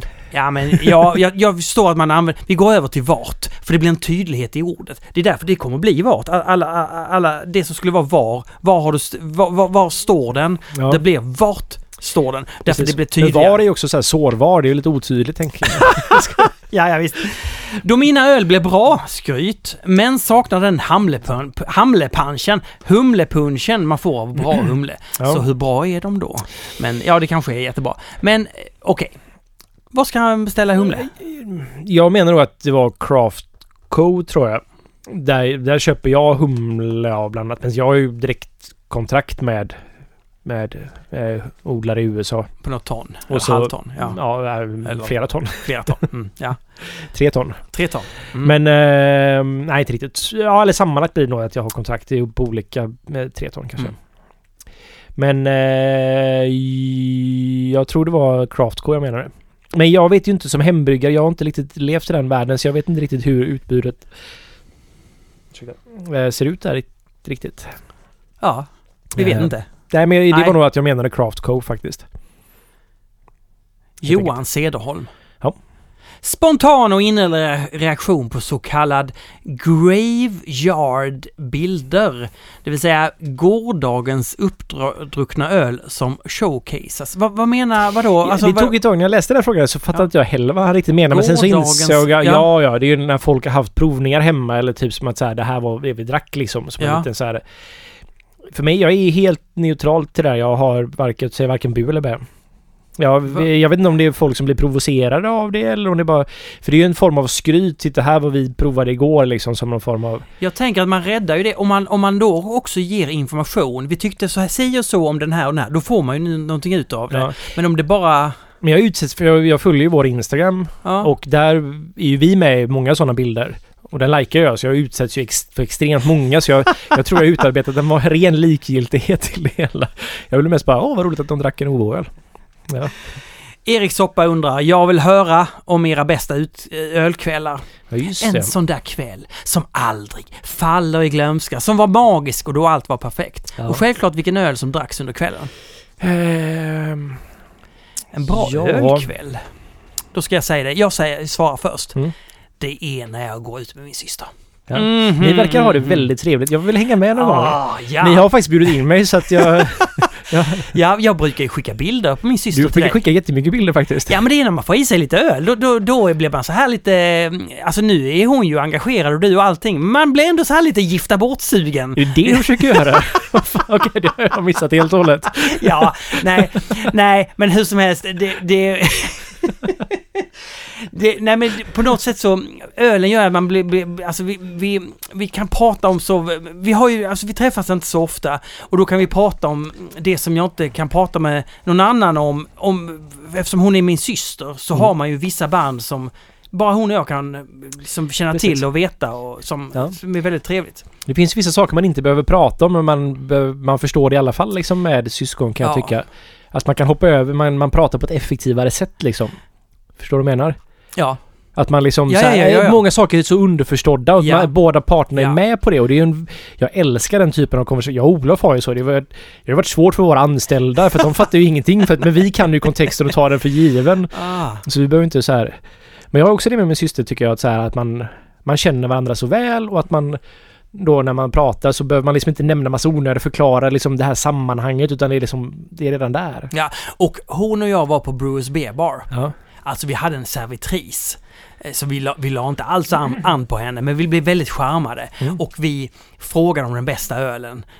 Och det var ju Gbg Berwick, sista batchen som gjordes 2016. Ja. Och den var så fruktansvärt bra alltså. Den var, den var det. Det var det och det är klart idag så blir, får den ett nostalgiskt skimmer. Och det var, det var också då jag provade Two Hearted Ale. Ja. Eh, och en suris som hon spottade ut, min syster då, för hon tyckte att sur, det- jag, jag tror aldrig hon kan lära sig det. Låter som en eh, bra dag faktiskt. Eller bra Ja, kväll. ja, ja. ja. Men jag har en sån som jag Ja. direkt dök upp i huvudet här faktiskt. Jag, jag, om jag funderar lite mer så skulle jag säkert hitta bättre men det var faktiskt Mikkele Beer Celebration. Sista året det fortfarande var i Spartahallen. Då, på tal om mysticism, då jag tyckte att det fanns... Det var innan OO hade startat på riktigt tror jag. Eller alla OO var nog igång i och för sig, ja, det stämmer nog.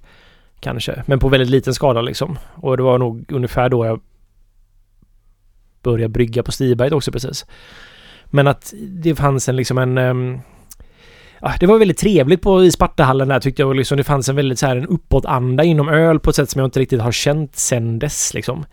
Och eh, jag kommer ihåg att även om det, det var väldigt bra och rolig öl och man liksom hittade nya bryggerier som man aldrig hört talas om som har gjort fantastisk öl. Så jag, Olof och Johan Kronqvist som hade en blogg som hette Beyond Beer, eller Beer and... Ja, Beyond Beer. Som inte tyvärr är aktiv idag längre, men vi gick till Charlies bar mellan de här. För det är ju ett så här förmiddags och eftermiddags... Ja, så vi gick till dit under tiden och drack promenad... Nej, vad säger jag? Inte promenadporter. Eh, London Porter från eh, Fullers på kask där. Och det var verkligen, det var den bästa ölen jag drack den dagen. Och det säger väldigt mycket om... För jag drack så fantastisk öl, men det var så bara skönt att komma dit och bara få det här sorlet som är den här gympahallen liksom som var då den här när festivalen Mm. var. Och bara komma till det totala rätta elementet där man ska dricka öl. För en gympahall är inte det rätta elementet man ska dricka öl i på det sättet. Utan bara komma in då på Charlies bar, få dricka den här ölen. Pusta ut, samla krafterna, gå tillbaks.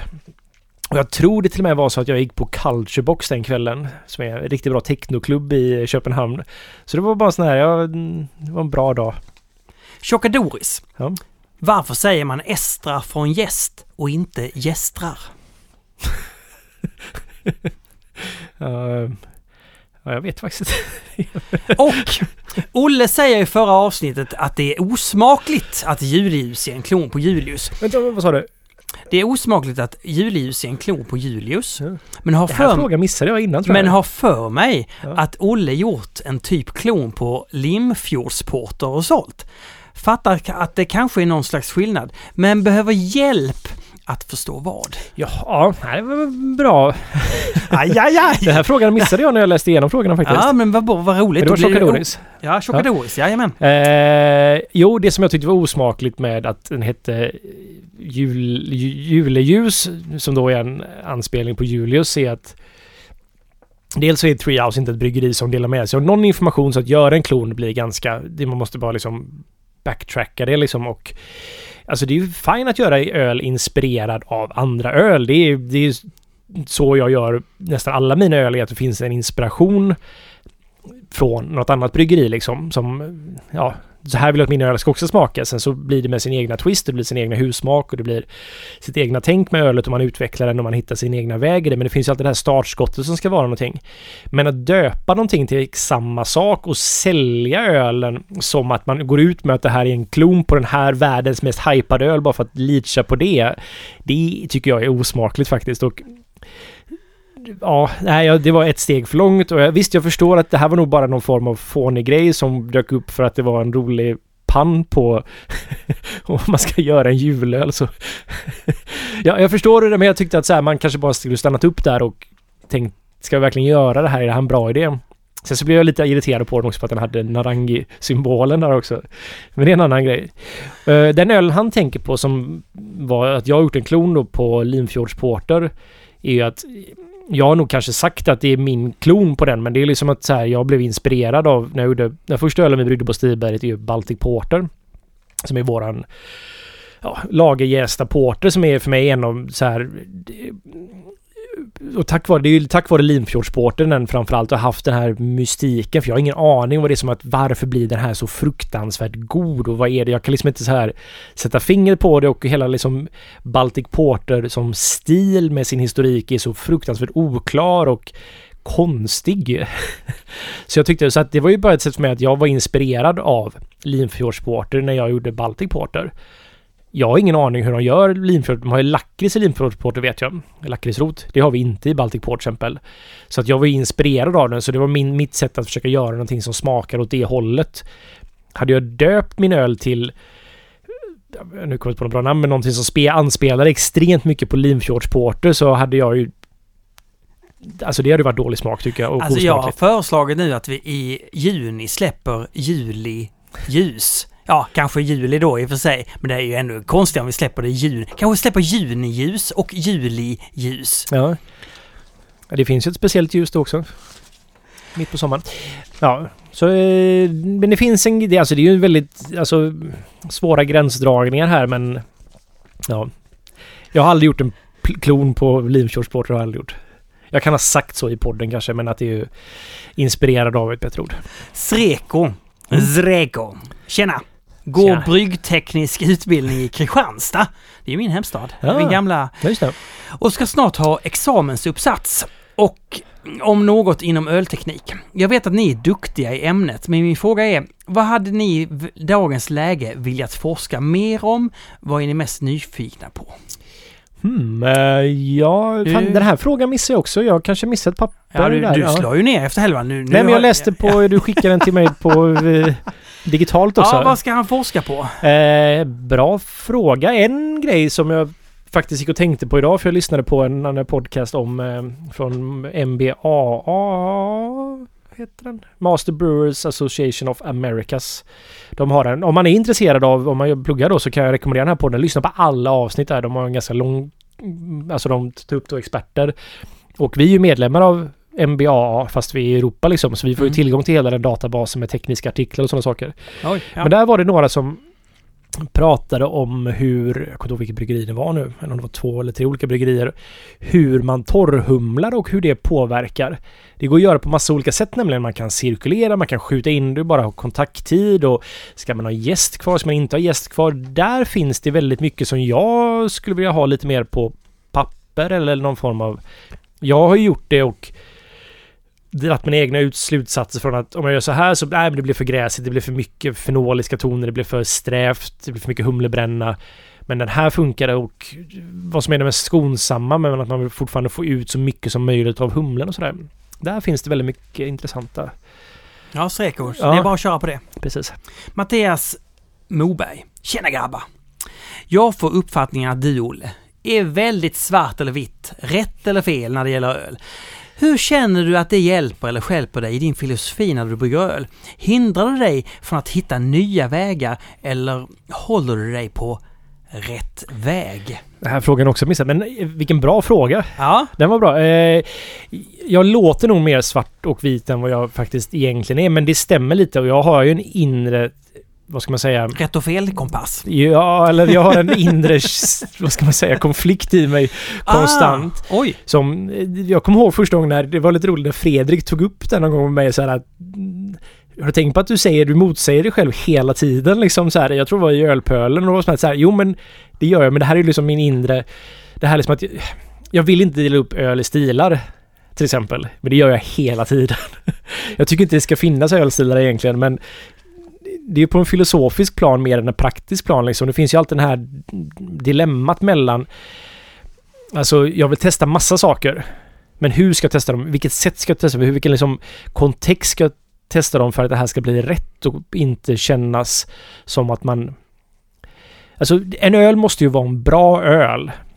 Annars är det ju meningen. Den måste ha en syfte, en tanke och liksom ha liksom en, någon form av målsättning med vad, vad den ska uppnå liksom. Och det kan ju ibland vara så här, vi vill bara testa att ha en ingrediens i för att se vad det är. Och det, det kan vara fine, men det är liksom, det gör ju det bara till en halv öl på något sätt. Så det bästa är när man hittar alla de här aspekterna som tillsammans liksom bygger på varandra så att det blir en större helhet av det. Och här har jag ju en, det är ju en ena veckan kan jag, alltså jag har ju oftast ölidéer under väldigt lång tid i huvudet innan jag realiserar dem och då kan det vara som att ena veckan vill jag gå all in på den här biten och andra veckan så nej men vi ska hålla det jättetraditionellt och bara ta in lite grann av det här och så pendlar man fram och tillbaks där tills man hittar någon form av konsensus med sig själv. Och så... Det är en inre kamp för dig hela tiden. Det är, ja alltså det låter lite Det är dramatiskt precis men... som det var för Mozart. Tror du han bara skrev hur lätt som helst? Nej, jag tror inte det.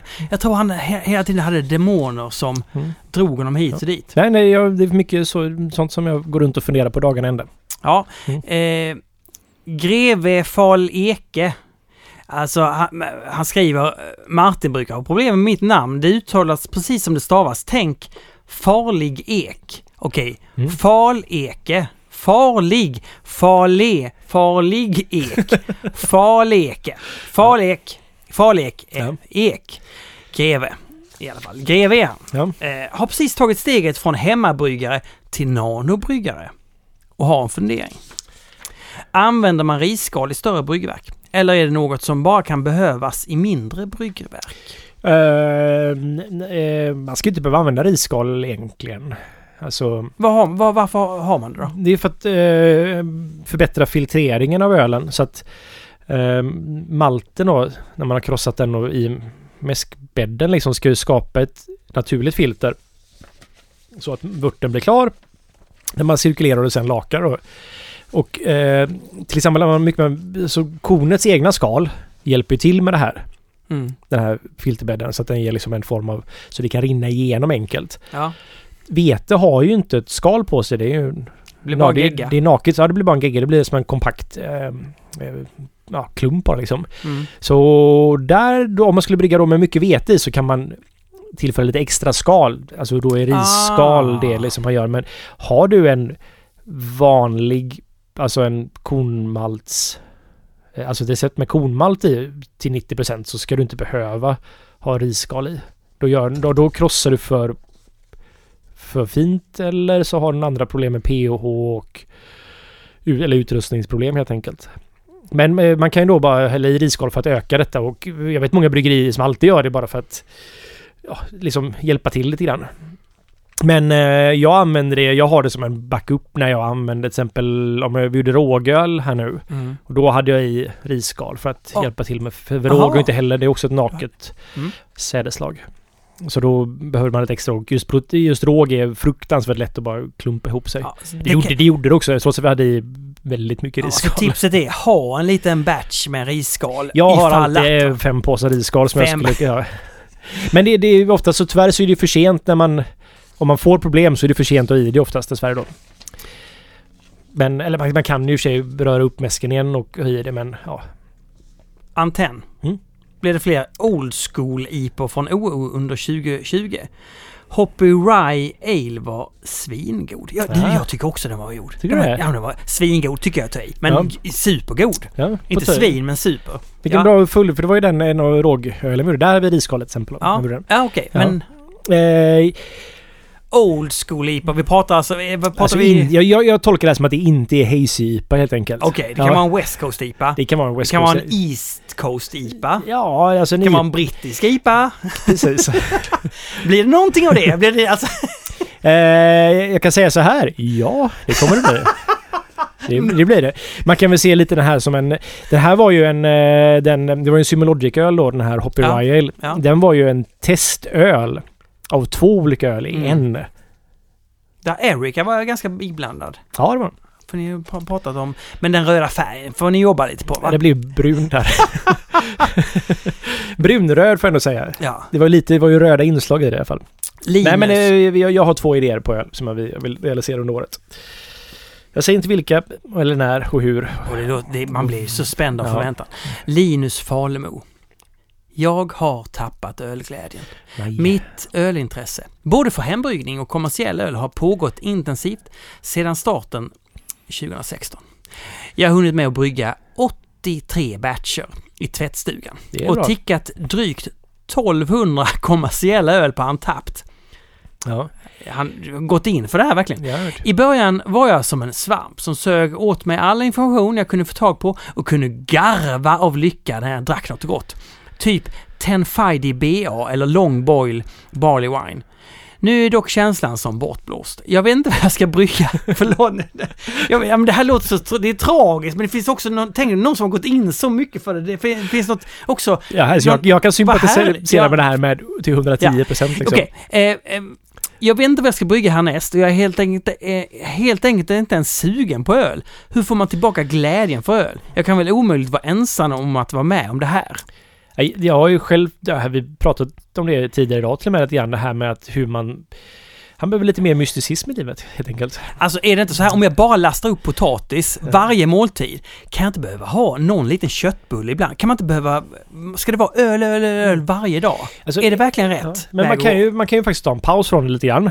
För att åter... Fast alltså, det, det, det är lite den här... Den här, som, den här ohälsosamma ölintresset också är, inte ohälsosamma, men det har varit lite så här, det är fanatiska det här med att man ska ticka så mycket öl från Untapped. Jag, min rekommendation är att ta bort Untapped, strunt i Untapped, drick öl för att öl är gott och fokusera på de ölen du tycker är goda liksom.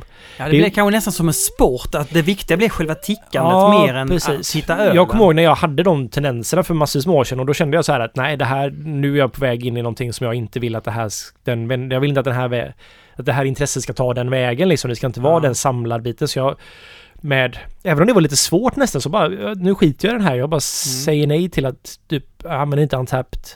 Ja, och sådär att man, Ja, för upplevelsen får du ju ändå när du är ute och dricker en öl och provar. exakt, och fokusera mer på liksom, jag, jag, jag gillar att dricka öl på krogen liksom. Det är ju där jag Mm. tycker att sitta hemma och dricka öl gör inte så mycket för mig liksom. Nej. Utan det kan vara gott som att jag... Oftast gör jag det egentligen för att jag vill bara testa hur våra öl är faktiskt. Mm. Inte för att jag...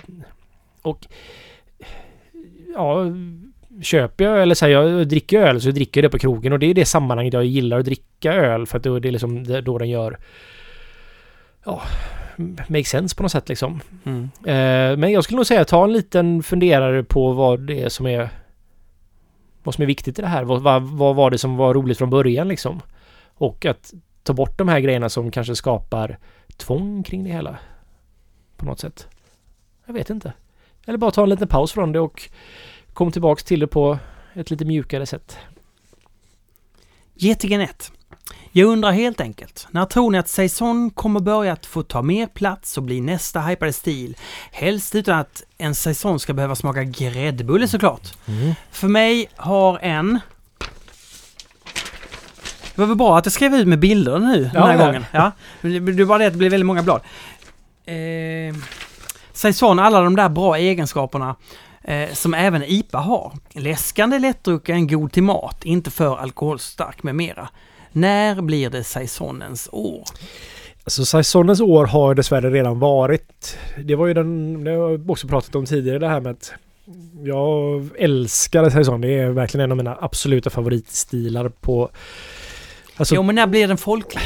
det kommer aldrig. nog aldrig bli tror jag Nej. riktigt. Utan den är... Men jag tror att... Som jag sa med porten där att det kommer smyga sig tillbaks dit. Så det kommer inte få någon renässans igen men att det kommer bli en helt normal ölstil så kommer man, och den kommer ha sitt syfte framförallt till mat så är det ju det bästa man kan dricka och det är uppfriskande, en bra sommaröl Mm. Och det är, det är ju bara rent gott liksom. Men Mm. sen så om man ska vara helt ärlig med Saison så är ju också så här att Stockholm Brewing har gjort en jättebra svensk Saison Mm. med svensk malt och den är fantastisk är den. Men för mig annars så är det ju de här det är ju framförallt DuPont som gör det för mig. Mm. Det är och eh, många öl. Brasiliderna sen till exempel gör ju också öl som är väldigt saisonsinspirerade. De är ju också fantastiskt bra liksom. De är lite svåra att hitta här i Sverige dessvärre. Och även eh, ta bort namnet de som gör dubbel X. Eh, med Dranke. Mm. Mm, XX Bitter där tänker jag på. Ja, det, den är väldigt saisonig för mig men de säger inte att det är en saison. Men det är, det är ganska få saison som ändå gör det för mig liksom. Som jag tycker är så här att Mm. så att eh, jag tror saison kommer växa men jag tror kanske inte det kommer bli så att alla svenska bryggerier gör en saison liksom. Och det hoppas jag inte för det finns ingen riktig mening med det. Den är, det finns redan så bra exemplar här så man behöver kanske inte riktigt uppfinna hjulet igen hur många gånger som helst. Jag tänker mig att eh, namnet IPA Ja, ligger bara i munnen. det gör det. Men Saison, det där franska, lite svåra, lite... Jo men det, jag, jag tror, eh, alltså Va? en anledning till att jag tror att Saison funkade för, ja men runt 2010 där liksom, var att det just var Saison. Det var liksom så här att då gick ju trenden lite mer om att öl skulle vara finare liksom. Mm, Det gick åt lite mm, mm. vinhållet liksom där. Det har ju tvärvänt från det. Det har ju blivit någon form av helt annan grej med Hazy och sådär. Det är ju något... Det är ju inte så att... Och där tror jag Saison namnet var väldigt viktigt för framgången med. För där skulle ju alla amerikanska bryggerier göra... Det fanns ju massa amerikanska bryggerier som bara gjorde Saison. De finns ju typ inte kvar idag. Det var ingen bra... OO skulle ju bara varit ett Saison-bryggeri. Ja. Det var ingen bra idé. Men... ehm, ja. Nej, men jag, jag tror Saison kommer att bli vanligare men inte... Men ändå väldigt ovanligt. Vanligare men fortfarande vara en ovanligt. nisch liksom. Olof Loof. Vad är det för skillnad mellan omältat ve- hav... Jag får läsa lite långsamt. Mellan omältat havre, valsad havre och flaked torrified oats. Och vad är puffat havre? nu ska vi se här. Allt det där... Ingenting var ju havremalt och det där va? Nej. Omältat havre, valsad havre, flaked torrified oats. Ja. Vadå? Alltså det är havreflan. Ja, alltså det är väl här är att kärt barn har många namn kan man väl säga lite grann. Alltså, Puffat havre är så här havrekuddar, eller vadå? alltså Nej. valsat havre är ju nä- nästan alltid puffat havre som är valsat. Och puffa behöver man göra det för att stärkelsen ska bli tillgänglig. Man ska gelatinisera den eller liknande. Gelatinisera. Man kokar den i ånga eller något liknande liksom. Puffat vete liksom. Eh, kalaspuffar. Oh, gott. Med honung på Mm, liksom. Ja, kolkalas. Du, jag köpte hem det. Alltså, Ja, jag fick äta upp hela paketet. Barnen gillar inte det. Är det sant? Ja, det, Det var ju typ, det var ju sån lyx när man fick. så Jag var hemma hos mormor så hade hon köpt så här kalaspuffar. Det var som så här. Oh, jag får inte säga det till mina föräldrar. Jag äter Nej. kalaspuffar. Det är för Nej, nej. mycket socker där. Nej men ehm, så... ehm, allt det här är omältat havre kan man säga. Mm. Eh, så, och för att då man ska kunna använda det här i bryggning utan att själv göra någon form av rast för liknande så behöver det vara puffat helt enkelt. Jag ska inte säga att jag är, jag är inte 100% på allt det här men Flake Torrified Oats knippar jag med eh, Torrified är ju då puffat helt enkelt Mm. på engelska Ah. tror jag. Och Flaked är ju då, då har man eh, skalet kvar. Ah. Eh, medans i eh, havregryn då som är valsat havre, det är havregryn. Då har man inte skalet kvar. Helt enkelt. Okej. Ja. Det är ett ganska bra svar på frågan. Ja, så att jag använder till exempel på när jag byggde på, jag, nu kör jag faktiskt havremalt för det mesta. Mm. Eh, men jag kör också havregryn, men jag gillade verkligen uh, Flake Torrified Oats för den har ju då skalet vilket gör att det blir lättare att laka. Ah. för att man har skal som hjälper till där. Klumpar inte ihop sig. Nej, precis. Men du, havre har man för att du ska få den här, det här riktigt haziga... Ja, det ger mer... eh, Det har man ju förstått Det, det, ger, det ger ett haze, gör det faktiskt.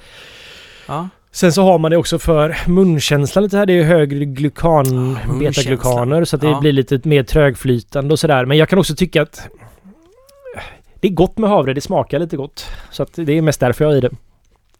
Feffe. Ja. Hej, tack för bra podd. Mm, varsågod. Det var väl roligt Ja. att någon gillar oss, så att säga. Ja. Nej, du, man, är alltid, man är alltid sugen på så här få beröm och att se mig, se mig, se mig, jag Ja, finns. Man blir så glad. Ja. Nej, hur som helst. Fortsätt med berömmet. Vi uppskattar det. Några frågor angående återanvändning av jäst. Mm. Hur påverkas gästen av tidigare bryggningar? Går det att få med sig smaker? Hur påverkas gästen om man till exempel först brygger en alkoholstark öl och sen svagare? Blir gästen trött av det? Alltså det vill säga att den inte är lika potent, måste det ju vara. Ja, eller det är Trötthet. hälsan av gästen skulle man kunna Ja. kalla det. Hög alkohol är ju inte bra för gäst. Gäst skapar ju en ren giftig miljö för sig själv liksom. Så Mm. den, den, min filosofi när det kommer till återanvända gäst, och det vi återanvänder ju i stort sett all gäst vi har i ganska många generationer. Och jag försöker börja med svagare och gå uppåt i alkohol så avslutar man på dubbel-IPA och en Barley Wine eller typ så här en Imperial Stout eller liknande. Eh, färgen på en öl spelar ju väldigt stor roll så jag skulle liksom aldrig om jag skulle göra en IPA så skulle jag inte skörda gäst från vår Porter Port till exempel för då skulle det ge ett stort färgbidrag till IPAn. Ah. Eh, kommer du ihåg den här ölen som vi trodde var en kommersiell öl under ölprovaravsnittet Ja. där som eh, Simon har. Simon hade skickat in där. Mm. Som vi upplevde som en rököl och vi trodde därför att han hade skickat in en kommersiell öl för att testa oss lite grann. Jag pratade med honom och han hade, det var ju tydligen en, en eh, egen hembryggd öl. Men i och med att det inte stod att det var med rökmalt så trodde, så trodde jag att han bullshittade oss för att det var ju uppenbarligen röksmak i Det- den. Och jag pratade med honom han bara nej men jag har gjort den och han bara säger men jag har inte haft någon rökmalt i den. Jag, så bara, men den var ju jätterökig. Han bara vad märkligt. Så han bara just det, jag skördar ju från en öl. Han hade skördat gästen då från en öl som var rökmalt i sig. Ja, och det löjliga i den här historien är att den ölen var ju riktigt bra. Det var superbra. Men det är samma som vi besökte när vi var i Bamberg där så besökte Ja. vi ju Brauerei Heller där. Mm. Och de har ju en Helles där som jag oftast tycker har en röksmak i sig. Och jag frågade ju han den gamla bryggmästaren där om hur det var med det. Ja, Och där var det ju att han sa att ja men det är ju för att vår gäst har varit i den ölen tidigare som har haft rök, rökmalt i sig. Och så använder de den i en öl som inte har någon rökmalt men gästen kommer ha röksmaker vilket gör att man får den smaken då även i deras Helles. Så man, och men det man ska, alltså gäst, det här är ju jättesvårt och det, om det är någonting som får mig att sova dåligt och alltså vi har haft lite problem med det senaste också som varit med och varit jag har bara stått och skruv, alltså kliat med huvudet och samma sak med Erika. Vi har inte fattat någonting men ge, när man skördar gäst så viktigt, viktigt gästens hälsa liksom. Att man får tillräckligt mycket hälsa. gäst och hur bra den mår. Du, kan kan, inte jag få vara med någon gång när du skördar gäst? Jag har aldrig sett hur det går Men till. ni gör ju det på Stiberget också hela tiden. Jaha, du menar att jag kan... Ni eh, kan bara gå ner en det är våning. så stort, jag hittar inte. Jag hittar... Ni har ju till och med sån här, ni har ju en perfect pitch-grej också som är någon form av fancy flödesmätare Alltså, som det- räknar hur många gästceller ni Jo, men du vet, i... alltså, jag tror att Olli, han har fått... eh, Han säger, jag vill göra det här. Då, då, då bara... Då gör vi det. Blir Ja. ölen bättre, då gör vi det. Ja, ja. ja är de ju- kostar 300 papp nämligen. Så det var... De, eh, Ehm. ja. Nej men eh, så att det, det är viktigt med... Och man ska se till att man har tillräckligt mycket, mycket näringsämnen i ölen. Mm. För att om det saknas det så kommer liksom den gästen då också sakna det och då kommer den prestera dåligt nästa gång. Så att Cervomyces är ett väldigt bra gästnäring så kan jag rekommendera. Ehm, går att köpa i... Det är drygt som fan så att det kan man köpa.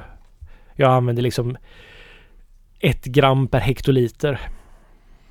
Mm. Så det är alltså ett gram på 100 liter. Så man kan göra mycket öl på. Innan vi... Nu ser jag att Fredrik är oerhört eh, otålig. Mm. Eh, och, eh, men vi släpper inte in honom förrän vi klarar det här. Nej, nej. Och då avslutar vi med ett meddelande från Kai. Okej. Alltså vår vän Kai eh, som har Kandidatpodden, heter hans. Har han en podd? Har Kai en, har, vår läkarpolare uppe som skickar alltid så dålig öl? Ja, ja, han ja. Inte dålig. Nej. Rolig öl. Ja. Fin öl. Öl. Alltså, ja, öl. Han kommer en fråga. Mm. Hur dricker ni helst en riktigt fin öl? Vilken typ av glas? Hemma på en bar, restaurang, utomhus? Beror det på ölstil? Med eller utan mat? Kai?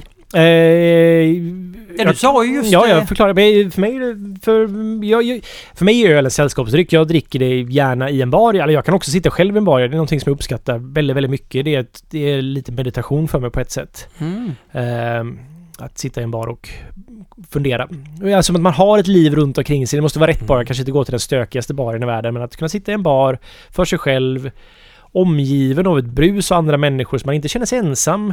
Man kan sitta där med sina egna tankar. Man är social fast ändå inte social på något märkligt sätt. Mm, ja, mat eller utan? Eller? Helst utan mat faktiskt. Ja. Alltså jag gillar öl till mat men jag tycker inte öl behöver mat.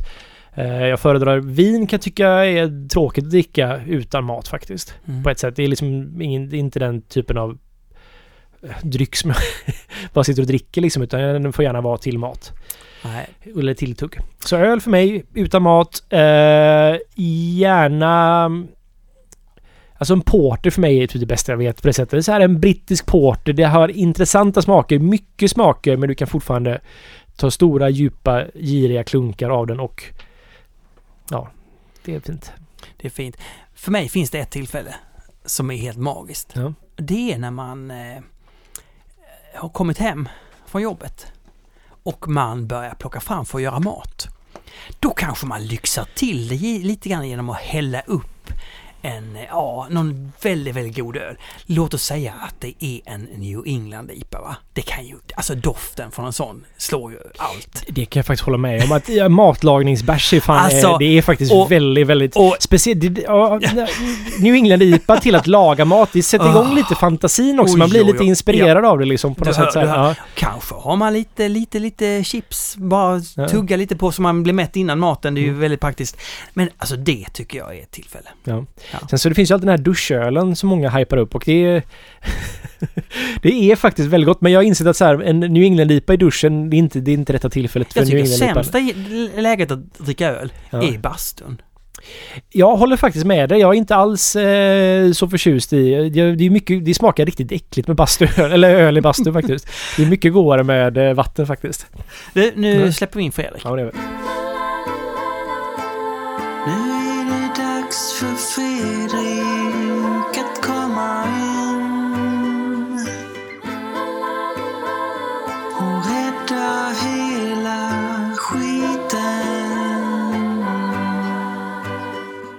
Hur, eh, hur står det till med dig? Eh, det är bra. Jag är lite trött, ja. trött idag. Varför då? Jag var i Stockholm och drack öl igår. Jaså? Igår kväll. Det, men, eh, jaha. Men berätta. Eh, jag och Peter Eronsson åkte upp och så träffade vi Tobias Janius, Automagiskt Bryggeri. Och Tobias Göt, 99 Bottles. Så åkte vi till eh, Nynäshamn. Jag har inte varit på det nya bryggeriet som inte är nytt. Det är väl 12 år eller någonting men jag har inte varit på den platsen. Eh, och på deras nya bryggeripub. Fast den har väl funnits ganska länge också? Det har den nog men den såg ju helt så här skinande ny ut. Inredningen, de har nog jobbat med inredningen fram till Mm. ganska nyligen. För de väl lite såhär båtvibb på något sätt? Nej, det är det gamla. Det här var ju mer så här bri- mer lite brittisk fast pub fast ljusare. Lite mer så här klassiskt. Ja, okej. eh, Ja, Då jättefint. jag var tänker nog på kanske någon gammal grej eller Ja, smakprovrum de kanske haft eller något sånt då. Jag de har bara hade- sett Instagram-bilder därför jag har ja aldrig varit men där. precis. Men de har haft ett annat rum tror jag. Också bilder där det har de här trä... Eh, nej, det var, det var inte så. Okej. Men, eh, men det var bra. Men fick du se bryggeriet också? Ja. Ja. Lite, det är lite, har ni varit där? Nej, jag har aldrig varit Nej. där. Det är litet alltså. De har verkligen klämt in. Alltså deras bryggverk är ju pyttelitet. Ja, Det är 1500 liter om jag inte minns fel. eh, 2000 sa han. Men jag tror det är ett 1500 liters bryggeri de brygger 2000 Aha, liter. Okej, det kan ja. vara så. Ja. Och, och de har verkligen klämt in i ett gammalt här, ställverk som, de, som eh, bara betong. Så de kan ju liksom inte... Också är det på något vis eh, K-märkt. Så att de kan inte göra så mycket. Då har de smält upp, om det var 8000 liters tankar, tre stycken på utsidan. ja, just det. Som står utomhus. Utomhus? Ja. Va, kan man göra, va, funkar det?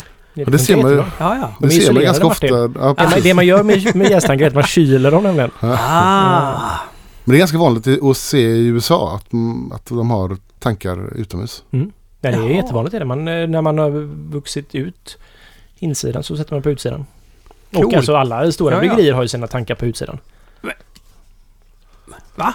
Ja, det är jättevanligt. Ja, jaha. Men, men alltså, men eh, Nynäshamn, det känns ändå som att de brygger ganska mm, stora mängder. Ja, de bryggde, de bryggde ändå miljon kanske? 900 000 liter i förra året. Ja.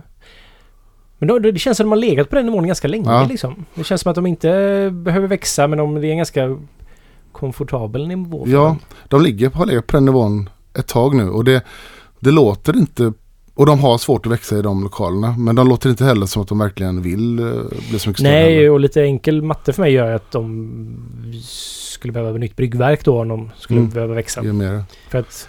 Stigbergs gjorde 860 000 liter förra året. Åh jäklar.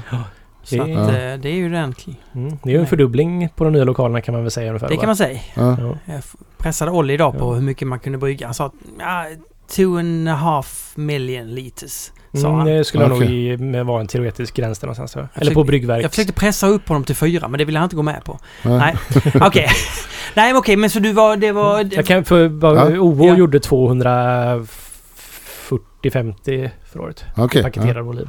Och vad blir det i år? Det här året som Ja, kommer nu. ja. Ehm, jag skulle gissa på 300. Nej, men så vi pratade ganska länge med Marcus då Nynäshamn. Så Vi pratade om mer hur, hur de ser på sig som bryggeri. De har ju hållit på så otroligt länge och eh, när det händer så mycket i branschen och vad deras roll är och sådär. Det var ju kul och bra diskussion. Och de gör, har ju alltid gjort sin egna grej lite grann och har varit tidiga med många stilar av öl. Så när jag var där provade jag en ny som kommer snart en eh, belgisk dubbel. Oh. Och det är inte så många som gör. Och en belgisk quadruppel gör de också nu. Ja, ja. Så det eh, Det tror jag såg på Instagram faktiskt att de Mm. gjorde för ett tag sedan. Spännande. Bell har de gjort. Så det är lite belgare. Ja, men de, jag kommer ihåg när de var lite experiment. Den var ju faktiskt väldigt god. Jag drack den på öl och whiskymässan i Stockholm.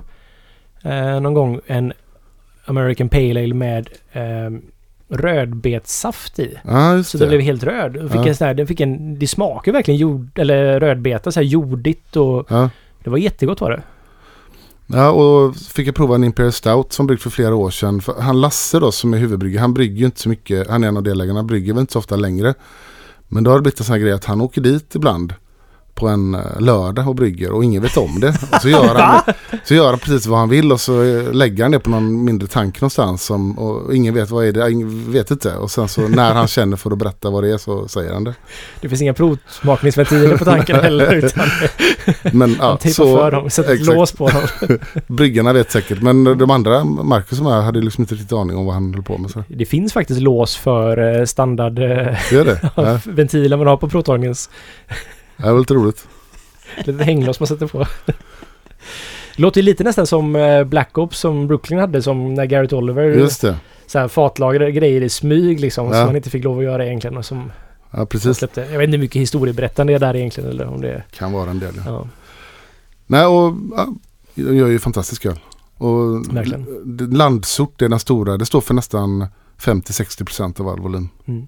Landsortslager. Tänka mig faktiskt. Men vänta, och när jag ser grafiken framför mig då tänker jag på, gör, är det de som gör Bedare Bitter? Ja, Precis. Allitterationer om det är... Då är det förmodligen Ah, Nynäshamn. Pickla mm. Pils, För, ja, Indianviken, IPA. ja, ja, IPA. Sveriges första IPA. Just det. ja. Och så fick jag se en karta där- för alla, alla Brown Ale. vad heter det? Brännskär Brown Ale. Och alla, allt är döpt efter öar och vikar och Ja. sånt runt där.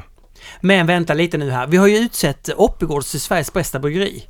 Vilken plats kommer Nynäshamn på då? Alltså, det är också, ja det är ju... Man kan inte, alltså topp fem, man kan inte rangordna där riktigt. Jo, vi har, vi, vi har, ut, vi har, vi har Nej. haft den på första plats. Jag var inte med då. Nej, nej, du var inte med. Men, Men då- vi, Jag minns inte heller det här Martin faktiskt. Ja men Oppigårds Jag är väl stabilast men jag tycker Nynäshamn är bäst kanske. Mm. Kanske, la jag till. vad sa du? Eh, Oppigårds Alltså, är det- väl stabilast men Nynäshamn kan ju nog vara bland de bästa. Det är din etta? Ja. Herre, det är för att du var där igår. Du är charmad. Nej, men jag... Nej. De har haft så... Om jag ska se så här över, över tid så är det Mm. det bästa. Eh, men sen på de här listorna, Beer News har ju frågat så här bästa bryggeri. Mm. Har ni tänkt på det? Vad, vem som har nämnts ganska mycket i år?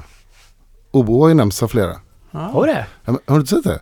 Jag har bara sett Björn en... på eh, Ja, men det är den enda jag kommer ihåg. Nej, även Jo, eh, Darren Packman på... Darren Packman det skrev du också, och- det såg jag idag faktiskt. ytterligare någon. Så att, Okej. Ja men det är ju några där som då. ligger i topp. Mm. Ja, ja. Jo, ja, det är ju Mm. roligt. Ja. Det är alltid gött att få beröm av.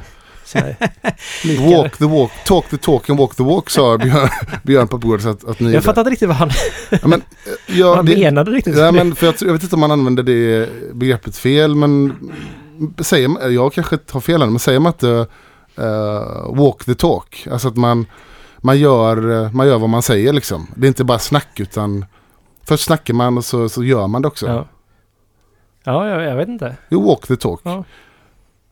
Sen så talk the talk är ju inte så... Men vad har man... Eh, Man pratar om det man pratar om. Jag tror han menar så här. Jag, han, Björn vet ju vad han brukar prata om. Han kanske menar så här. Talk the talk. Ni pratade först. Ja. Liksom, och tanken du ska Och sen så levererar ni verkligen lite i walk the walk. Ja, okej. ja, ja.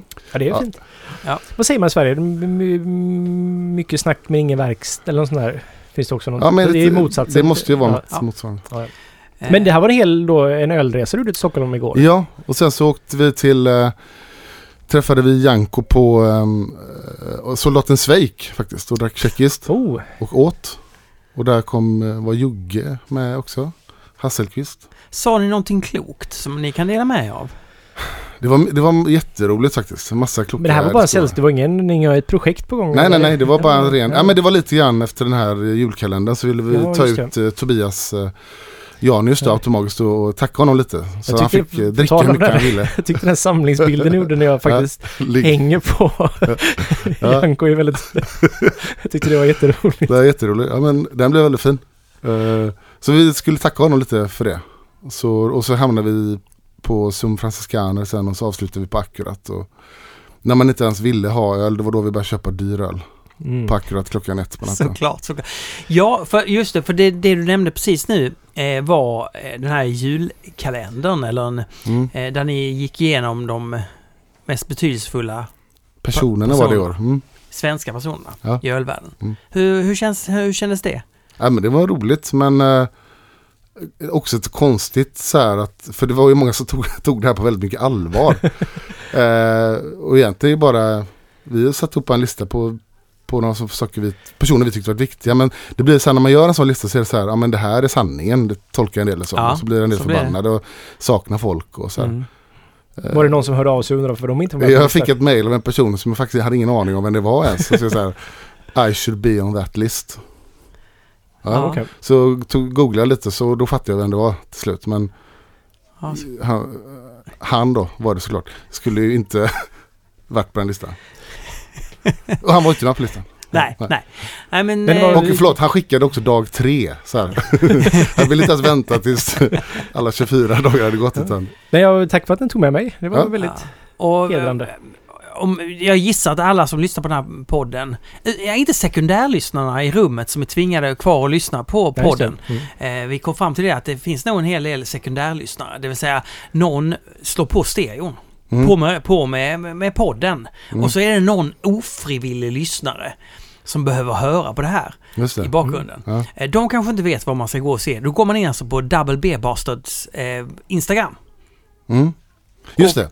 Och kolla, kolla kan, då kan man kolla de 24 eh, som, eh, som du anser var de. Och Peter Eronsson. Ja, Peter. Sen så, så Ja. gjorde vi faktiskt en liten, vi ställde frågan öppet också. Man fick nominera folk om vi hade missat någon sådär. Mm. För det var, det var någon person vi hade missat som vi researchade lite och tog med. Mm. Ja, Ja. ja, just det. Jag tycker ni ska göra det här. Alltså, det är lite... Jag tycker det är tråkigt att det blir liksom så odokumenterat när ni bara gör det i ett Instagram och Facebook-format liksom. Ni borde göra... Använda bok. en... Ja, nej, det kanske... Det ska vara en bok. Klart Peter kan göra en bok om det. Han kan göra en bok om vad som helst i stort sett. Men... på, på ett bra sätt menar jag. Ja. Men... ehm, nej men en blogg åtminstone. Så det finns Mm. form av tidsdokumentaktigt. Så här, det, det, det här är min... Som Ja. gammal IT-nörd och webbnörd liksom. Som om det inte finns på nätet i, på ett öppet format Ja, så gör det lite ont i men om det inte är länkbart som det inte Ah. är på Instagram och Facebook och sådär. Bara tips till om ni gör en ny kalender. Bra idé. Man kan lägga jag- upp allt där retroaktivt på en sån Ja, blogg. det kan också göra. Ja. Bara så att det liksom finns för om jag vill om tio år slippa scrolla igenom en Instagram. Instagramflöde, ja det är Ja, sant. så att jag bara... Ja. Jag kan hjälpa er. Ja. ja, men det är bra.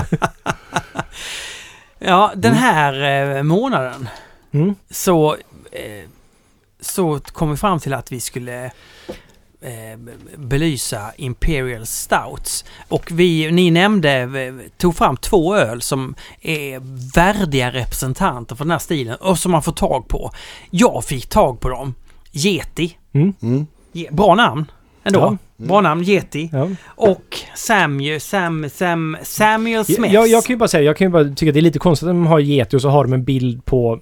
Alltså, Yetin då är då som en fantast av Bigfoot och Sasquatch och Yetin och allt det här liksom. Så Ja, Yetin är ju de som lever i Tibet, det är alltså Asiens eh, Ja. version av Snömannen då helt enkelt. Mm. ja, I USA heter den ju Bigfoot eller Sasquatch. ja. Precis. Så att det är lite, de är ju ett Colorado-bryggeri, så om de har någonting så heter den ju...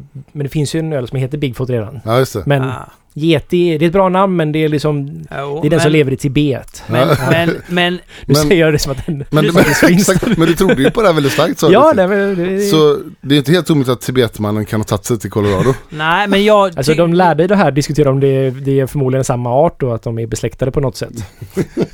Olle, du vet vad jag har sagt om exoticism alltså. Mm. Man gillar det exotiska och det handlar inte bara om fruar utan det handlar även om sätta namn på någonting. Alltså, Mm. det, du har ett fenomen här, Yeti låter ju mycket Bigfoot om man är hemma. Ja, det är sant. Det är sant, det är sant. Ja. Det är väl Men inte ja, storsjödjuret, Mm. inget skoj. Man vill, ha, man vill ha det här som är i Loch Ness. Va? Ja. Det är det som är spännande. men Ja. jag kan säga till också på tillägga att alltså, myten då finns ju som alltså i hela den... Alltså från alltså, Ryssland, Uralbergen och och, österut kan man säga. Ja. Så, men det är, en, det är en egen grej i sig. Ja. Men liksom Det det eh. Bigfoot om man ska kalla det är lika levande i Ryssland som det är i USA till exempel Ja. och Kanada. Alla lyssnare får ju följa, måste ju läsa Olles Yeti och Bigfoot-blogg. Han skriver om snö- Snömannen. Jo, den här ölen, det var väldigt roligt för jag var ju på Stigbats idag och då hade jag med mig de här ölen för jag skulle ju hit sen. Ja. Eh, och när Olli fick se den Då här. blev han glad eller? Du, han gick fram till den som till ett altare, lyfte upp den. Oh, the Yorkshire Rose! This is from my home! This is, this is Yorkshire! Han, oh, oh. Ja, han blev helt... Ja, Ja, vad kul. ja, så det är ju den Samuel Smiths Imperial Stout då. Är Som väldigt fin flaska där faktiskt. Ja, visst är det. Jag blev också lite som med den, för det där var min första Imperial Stout som jag drack. ja. Men Så vad att- är det då med Imperial Stout? Ja. Så jag, säga, jag har inte direkt någon koppling till den här faktiskt. För jag tror den var lite innan mig egentligen. Ja, Jag har ju den- bara egentligen koppling till amerikanska Imperial Stouts. Jag vet att den här finns men det är Mm. ingenting jag har druckit egentligen så mycket av. Men Ja men den, den fanns på bolaget eh, slutet på 90-talet, början på 2000-talet och sen försvann den och kom tillbaka nu för några veckor sedan. I fasta eller som en I, exklusiv? I fasta faktiskt. Ja, ja, gött. Men den kommer ju åka ut om ett halvår så drick den nu. Men är det inte, jag får mig det är någon fånig grej. Alltså Systembolaget fungerar ju, alltså även om jag försöker lära mig det här så är det svårt att hitta rätt i alla regler. Men jag får mig det som att så här, öl utvärderas ju så här, den perioden man utvärderas på är typ om det är liksom en, en vinteröl kan utvärderas ibland på sommaren liksom. Och då blir det väldigt, då köper ingen den och så Nej. då påverkar det hur mycket som finns under vintertid då liksom. För att, då Ja. såld, för att ja, men den här försäljningen ger så här många butiker. Och så är det på vintern man vill ha det, inte på sommaren liksom. Jag kan inte det men det, jag vet att det är någonting så här att det är ett först en prövoperiod som inte är volym. Nej, då är man... Tre månader någonting och sen är det... ja, nio månader har vi, när vi vann en offert i alla fall så hade vi Okej, nio månader. men sen är det ytterligare några månader då, då utvärderas man. Jag, jag fattar inte det. Och då, jag tror det är så att de förändringarna slår till ett halvår senare. Ja, okej. Men då kan det bli väldigt fel om det är en öl som fungerar. För det här är ju en väldigt bra öl för vintern tycker jag. Ja, Kanske inte lika bra öl på sommaren. nej men precis. Ja, och eh, ja, men vi, varför tog vi den här stilen? Det var med att vi Impstout har blivit, eller är ju någonstans sådär hantverksölens eh, konung någonstans. Det har blivit så här, det, det viktigaste ölet, eh, det är mest där man visar upp vad man kan, det mest extrema, det mest Mm. så här. Och, och fick den rollen eh, under eh, 90-talet och i USA då igen. Eh, som. Återupplivar den här gamla brittiska ölstilen. Alltså vadå, hade man ett bryggeri så då skulle man ha en Imperial Stout Den eller? skulle vara med Ja. i line-upen liksom. Du var inte ett riktigt hantverksbryggeri om du inte hade en Imperial Stout där som en kronjuvel på din öl liksom. Det var Aha. det och IPA man skulle ha liksom. Ja. Slutet på 90-talet där. Det Aha. var Och, liksom definitionen av att vi är ett modernt mikrobryggeri liksom, eller hantverksbryggeri. ja. Mm. och sen har det blivit också alla ölnördars favoritstil. Om man tittar på Rate Beer Top 100 så är det säkert 70, ja, över 50% är ju Imp Stouts liksom. Det, är- det är det Vilket inte är så konstigt heller för det är ju en, det är en sån stor smakbärare liksom. Mm. Det är ju så, det är hög alkohol, det är mycket specialmalter och det rostade skapar ju enorm komplexitet om man gör det på rätt sätt och sådär. Så att jag kan tycka att det är faktiskt, det stör mig inte så mycket att Nej, eller så här, jag kan vilja att, ja men fan, Saison borde finnas där uppe liksom men Nej, jag men man förstår kan- att det inte gör det ja, för att absolut.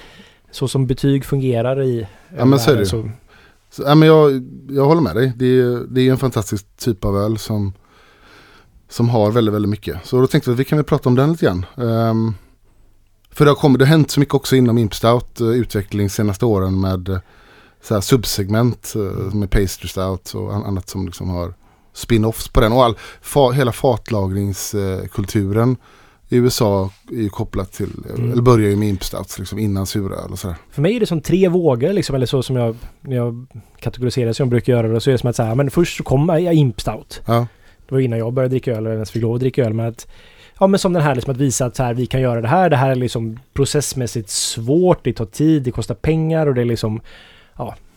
Du bara visa att man, man flexar lite, man spänner musklerna på ett sätt liksom. Mm. Så att man skulle ha det. Det var extrem, man skulle göra en väldigt extrem version av den brittiska varianten då liksom. I USA. Sen kom fatlagringstrenden. ja precis. Och nu kommer den tredje då med Smaksättning. Och, smaksättning av eh, så kallade pastry stouts. ja men precis. Men uppfanns stilen på 90-talet eller vadå? Nej, men den eh, igen då eh, återupp, återuppstod Ah. typ. Men, eh, men så stilen, om man ska ha lite historik, man kan prata väldigt länge om, om Porter Stout och mycket det finns ju mycket, mycket myter om IPA som vi pratade om i ett annat avsnitt. Men det finns även mycket myter om Imp Stout som man på senare tio, senaste tio åren har en del så här skribenter som forskat lite mer i det och, och dödat några av de myterna. En sån myt var ju att, eh, att det här, eller den sanna storyn är att man gjorde ett, en stark, eh, eh stark stout eller stark porter. Vi kommer strax förklara lite namnet där. Som eh, man exporterade till, eh, till Ryssland och eh, länderna runt eh, Östersjön där. Och, eh, och det finns ju sådana här, det, det är inget på att den ryske tsaren älskar den här typen av öl. Och, så att det var väldigt populärt med stark öl. Sen har det funnits så här teorier som visar sig som såklart inte stämmer. att och man gjorde den, lite som IPA då, man gjorde den stark för att den skulle klara och inte, ifall det skulle frysa på hav på Östersjön liksom. Så Om att, inte båtarna ö, frös fast Ja, så skulle precis. lasten bli skadad. så att inte ölen frös och så här saker. Ja. Det är liksom trams menar Ja, men det låter ju jättesmart ju. Men eh, Nej. det ska bli väldigt, väldigt kallt för att öl av modest styrka också ska frysa faktiskt. Ja, och det är inte så att man gör att ja, men en vanlig stout på, på 6% eller porter och eh, fryser direkt medan så gör man en på 10 så klarar den sig. Det är inte, så funkar ju inte heller temperaturteorin eh, där. Så att, eh, nej. Men jag kan ju känna som att så här, inför det här avsnittet så började jag så här, jag måste bara kolla vad som är sant och inte sant. För jag vet om att det här är väldigt snårigt. Men med IPA så känns det som att några har gjort arbetet att så här bena ut det här på riktigt. mm, Det är inte riktigt så med Imp Stout. nej. Jag läste olika och så bara, nej det här är ännu rörigare för mig nu än vad det var. Men, Ja, det, men- kanske, det är kanske är därför vi har Fredrik här nu. Ja men lite så. att, så. eh, Men sen så tror jag inte att jag kan re- reda ut det heller. Det är nog rörigt ändå. Men kan, Ja. du, kan, du kan nämna vad du tyckte var, tycker var rörigt sen. Ja men det är ju alltså ursprunget och i, Ja. framförallt i England det här hur Alltså för Stout Porter till exempel. Ja, Som att så här en starkare porter. precis. med namnet då. Gjorde man den internt först och sen? Eller var det att det var en, en beställd dryck från Ryssland som man inte konsumerades i England och sådär? Ja, men ja, jag fattar. Bra, men vi Ja. kommer in på det. Men om man ska börja lite, backa lite. Porter var ju den ölstil som blev... Eh, det är världens första ölstil som industrialiserades. Det var i England under industriella revolutionen. Eh, vi pratade 1700-tal, eh, Eh, andra hälften av 1700-tal när man eh, började göra industrier och bryggerier. Och porter var väldigt bra lämpat för det. Och man drack mycket porter. Så att eh, ölstilen var ju... Eh, porter fanns ju det är ju starten så att säga. Sen som Olle sa så fanns det ju, man använde ordet stout. Det betyder ju kraftig, stark. Och det använder man på flera ölstilar i England. Eh, att man sa, det kunde vara en eh, stout brown ale. Eller, och det kunde vara en, alltså en brown ale som var extra stark. Då kallade då lade man till ordet eh, stout då. Så att eh, stout från början var ju inte en ölstil. Det var ju ett namn på någonting som var lite mer eh, starkare helt enkelt. Precis. För sen kommer då Imperial Ja. som namn. Precis. Och inte, jag för mig det också så att är inte den den första namnet som hade Imperial, hette inte den så Imperial Brown Stout eller? Jo, Imperial Brown Stout fanns ju som tidigt. Och, men eh, det här ölet då. Det, man, det som fortfarande är, ses som att man vet inte riktigt om det här stämmer var att en, en Katarina den stora ryske tsaren där var i, eh, var i London och drack stout, porter stout och tyckte det var väldigt, väldigt gott. Och det var väldigt mycket handel mellan, eh, mellan Ryssland och eh, ja, Östersjöländerna och England, London. Det gick mycket liksom, skepp dit. Och man hade eh, handelsavtal där man till slut också började begränsa handel med tullar och sådär. Men det man inte begränsade det var ju handeln med, med Imperial Stout. För att den typen av öl, det kunde man inte riktigt göra än i, i Ryssland och, och därför det ansågs som något väldigt så här, unikt. Sen kom man ju bara att göra det där också och i länderna runt Östersjön och då minskar också im, importen av eh, Imperial Stout då. Det Men- som lite flöt in att bli Baltic Porter då. Ja, exakt. Ja. Och, och, och Baltic Porter, eller hela liksom länderna runt Östersjön där, om man tänker 1800-tal, andra hälften av 1800-tal, då var ju igen lager, man hade börjat göra lageröl i norra delen av Europa och, eh, och särskilt om man tittar på tidigt 1900-tal så att man använde ju lagerjäst. Så att det blev en naturlig eh, sak att börja använda i, i den typen av öl. Medan man i England fortfarande var väldigt mycket av, en, av ett ale-land så att säga och jobbade med alejäst. Mm. Men så Katarina den stora, hon var hela efterfrågan. Det var hon Nej. som drog igång, eller vadå? Ja, men det var hela hovet och det var hela... Ja, ja, men jag menar det. Alltså, Men jag tänker så här, det här är ju väldigt trendiga personer på den tiden. Ja, det här är yes. liksom, det är typ någon supertrendiga, världsvana. Hitta någonting i ett annat land och bara så här, nu ska vi dricka och så. Jajamän. Och den trendigaste måste ju vara Katarina då, för hon är ju högst upp liksom. Ja. Så då måste ju alla andra dricka vad hon dricker. Ja, Liksom. men så hon, hon, sa- hon sa, ja men det här var gott. Ja men Då precis. ska alla dricka det. Ja. Men, men det är ju precis som du sa tidigare. Den tidens och- influencer. Ja, den tidens influencer. Eh, men, men någonstans det här namnet, det är precis som IPA. Att det, det, var inte, det var inte så att ett, namn, att det hette Russian, Russian Imperial Stout säger man ofta om man ska prata om hela namnet. Men det var inte det det hette när det, skicka, när det började skickas till Ryssland som du är inne på. Utan det, namnet har ju kommit lite grann i efterhand som en lite grann av en efterhandskonstruktion. Först kom det att heta eh, Imperial Stout. Det, det kom ganska snart efter eh, efter man börjat skicka det till Ryssland. 20, Och Imperial då, det kommer från att det var till imperiet. Och att det var Ja. även, det, även det har de här Patterson forskat i. Det var även det ett ord för att det var lite starkare också. Ja. Men det har ingenting med att det var liksom ett... eh, Att det var just Jo, man skickar, man skickar ju det. Det var inte bara, man minns IPA-avsnittet, man skickar ju även porter till, till Indien, man Ja. skickar ju till Afrika. Så att det var en, det var en imperieölstil. Precis, den, Men det var framförallt, den stora exporten gick ju till Ryssland då. Ja. Och, och sen var det först eh, långt senare faktiskt efter, eh, efter i början på 1900-talet. Det var då man bör, det första varumärket började använda Russian i namnet. Så Russian Imperial Stout, det namnet har ju, kom ju efter att, eh, ja, eh, då, då var det inte ens någon export av eh, Stout till Ryssland. Så det, är som efterhandskonstruktion, lite, lite som IPA är namnet då. det är ett varumärkesnamn. Det är, Ja men precis. det är lätt exklusivt i England då helt enkelt. Ja, och då var det den här, ett bryggeri, ett Londonbryggeri som, eh, ni har säkert hört som, jag vet inte hur det uttalas, Courage, Courage, Courage, ja. ja. Så Courage Russian Imperial Stout var Jesper Martin. Det blir otroligt. Det var o... Nej. Ska vi, vi kan Ja. prata lite IPA mellan, somnar. Tacos då. Ja, men Katarina, hon, drack- hon åt mycket tacos till Ja. Imstout. Timstouten. Jo, men det kan jag tänka mig. Alltså, hon var väl ändå en världsvan kvinna så att säga. Ja. Ja, nej, men, men alltså, men, men, stout, men då har, hade du funnits stouts länge som sen blev Imperial eller vadå? Eller alltså Ja, men- blev starkare? Eller, Ja, eller men lite det som vi, man gjorde porter, Mm. eh, sen Ja. lite starkare porter, det kommer att, kommer att hitta på stout porter som starkare ja, variant av ja, porten. ja. Och sen finns det ju massa historik. Det ska vi inte gå in på ens hur den här irländska stouten kom fram och Mm. Irländsk stout? Alltså Ja, Guinness, tänkte Guinness. dry Jaha. stout och så här. Som Varför kom, ska vi inte gå in på det? Nej. Ja men det blir en annan diskussion. Ja. För att. Det kommer att bli jättestort sen, liksom gjordes i, i, i Dublin och på Mm. Irland och sådär.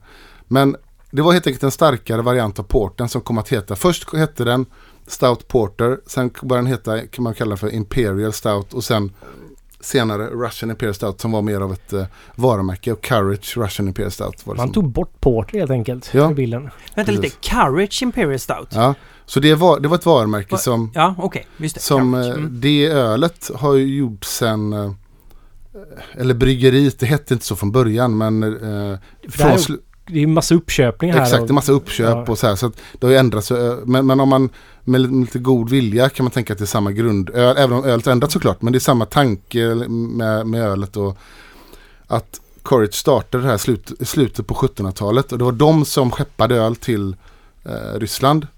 Och, och det öl, det här bryggeriet såldes vid några tillfällen. Eh, och det kom att sen att heta i början på 1900-talet Ru- Courage Russian Imperial Stout.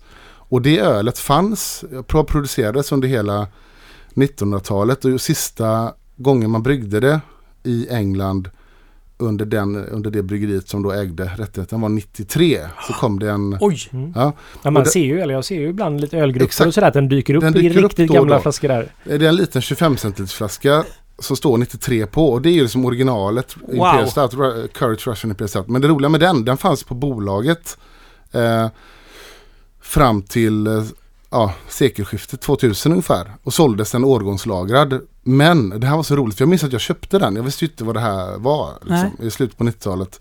Efter jag hade druckit Samuel Smith och tyckte den var skitkonstig. Den var sur så den var ju dålig liksom. och sen har jag läst i efterhand att ja, men det var en den årgången var ju helt förstörd liksom, men det var ingen som fattade det på bolaget eller vi som drack Så den ja, den 93an såldes med en årgång. De Ja, hade en så de stor hade en- backlog eller så Ja, här. precis, hade så mycket av den och bara låg och sålde där i flera år. Det är ju fantastiskt. Och idag är det lite här trade-objekt fast det smakar ju inte bra liksom. Den är ju Nej. sur. Nej. Det smakar som sur soja liksom. Okej, de, de var bryggeriet som ett flaggskeppsbryggeri på något sätt för just det här. Ja, Ja, och det var just det företaget som skickade till, ja. till Ryssland då. Så det kan man säga är ursprungsölet. Sen så, eh, om det var Newcastle eller den koncernen som köpte det varumärket eh, senare för kanske tio år sedan. Så det ölet kom ju tillbaka för några år sedan. Om ni minns det, en röd etikett. Just det. Courage Russian Imperial Stout. Men, eh, Men får jag fråga ändå? ja. Courage, fanns det inte andra bryggerier Jo. som såg bara Hej Imperial Stout, låt oss göra det? Jo, och lite som vi var inne på där, vad var det populärt liksom Ryssland och Mm. England. Men när de här Courage gjorde, exporterade så mycket till Ryssland, då var det ju flera bryggeri, porterbryggerier i, i London som började göra mer eh, Imperial Stouts. Såklart. Och då Ja. öka, sålde man även det mer eh, så lokalt också. Men, men de här Russia, de hade ju nästan monopol på den ryska marknaden.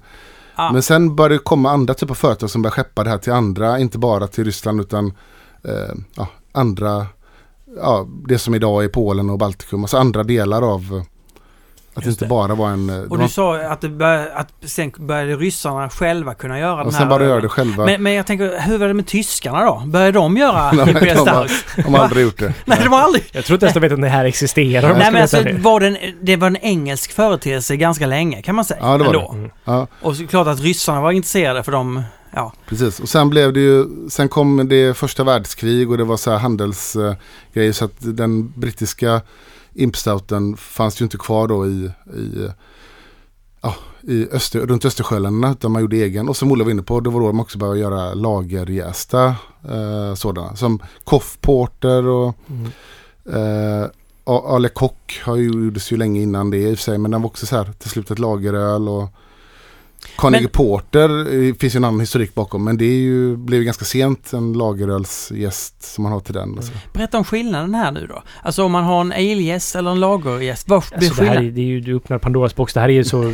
Jag vet inte Martin. Blir, Alltså, men det, det, blir ingen och skillnad. jag vet inte ens om man Nej. behöver säga att en Baltic Porter ska ha lagerjäst i sig. Nej, det måste man jag inte. kan tycka det. Mm. Men, Men- det behöver inte vara sant för det. Nej, men det, Nej. Eller så här, nej, men det är ju det som, det är ju det Olles först, var inte det ett första öl Imperial Porten eller andra? Eller eller? Baltic Porter var Baltic den Porter, första ja. vi gjorde på Stiberget. Men, men generellt kommer det att utvecklas en liten egen smak runt Östersjön. Att det var mindre rostat också. Att Precis. det var, det var kanske Man det gjorde som, väl med kontinentalmalt tänker jag. Ja, Kanske precis. mer Munich-malt och den typen av... så Mindre här- smak helt enkelt. Baltic Porter, riktigt fadd smak. Är ja, det så? men, med mindre, mindre liksom uh, hårt, eh, kärv, mindre Ja, kärvhet liksom. Precis. Ja, Men jag tänkte okej. det kanske passar ganska bra nu att dricka den. Uh, Ja. Samuel Smith. Du Jag bara, kan passa på att göra lite reklam. Vi, jag har faktiskt gjort Anniversary Baltic Porter igen. Så den ska ut på bolaget här i... vad var det som skilde Anniversary från... Den är alltså, det är samma recept som Baltic Porter. Ja. Men vi dubbelmäskar. Så att vi tar bara starkvurten helt enkelt. Så året... Det, det pinsamma är att vi gjorde ändå första året vi hade vår egna lokal. Som var då 2018. För, och så släppte vi den i samband med att vi fyllde år då helt enkelt som är i mars. Kan ni öppna en öl mot en... ha- Mot en det gör jag, jätteont Jag ju. kan öppna mot allting Mot tror jag. den vadå? Mot hand... Men, Va? Men, men stämde du nu mot din hand? Ja. Det måste ju bli ett blåmärke på Ja, handen. tar det där. Där! Okay. Hävstångseffekten. Man Jo men har du något hårt ben där i... Man har ju ett ben där. Men, har man ben i... men som du ser så Martin- har jag R här också. Exakt. Men Martin öppnar bara burkar, hazy-burkar. Ja, så ja, det är klart, gör. Hazy... Åh, ja. Förlåt, du avbröt i ditt reklam. Eh, ja, just det. Med reklamen för... Jo, men så... Men förra året så... Vi släpper då Anniversary Baltic Porter i tanken att det ska släppas i eh, mars då för att det är då vi firar år helt enkelt. Att det var då vi hade premiär på Rover för Baltic Porter och sådär, Ja. 12 mars. Så vi ska försöka komma med den i samband med det. Men förra året så glömde vi av att göra den. Har ni glömt av att göra den? Det var ju så här, vi kom på det på sommaren så här. Fan, vi gjorde ingen anniversary i år. Bara, nej, det är för sent nu. Jag bara, ja. Så att det finns ingen 2019, men nu gör vi den 2020 igen. Men, Men vi lever ju i faktiskt... och du kan göra det nu och säga att det var en 2019. Nu är det för Ja, sent. det är för sent. Jag tänker att det är lite roligt också. Ja. Man, man bara saknar ett år av någon konstig anledning. Ja. Ja men det är ju skitbra och så gör, så gör du en lite så, kommer det så här, det kommer komma fram om tio år, det gjordes faktiskt en årgång som var lost liksom. ja, precis. Det här är bara... Jag preppar för det här för att vi faktiskt ska komma med en... Ja, Kommer säljas på Kina-marknaden för 100 000 kronor flaskan om precis. tio år. Mm. Men eh, ja, jag bara kan säga att jag blev väldigt nöjd med den. Lagerjäst, 11,3 procent. Mycket, mycket Munich-malt. Gå och köp, gå och köp. Men här den är här... ganska svag, den här då, vi pratar om den här. Det här är ju ganska svag ska vi säga nu. 7% men jag tycker att den är ganska så här, ganska tuffa 7%.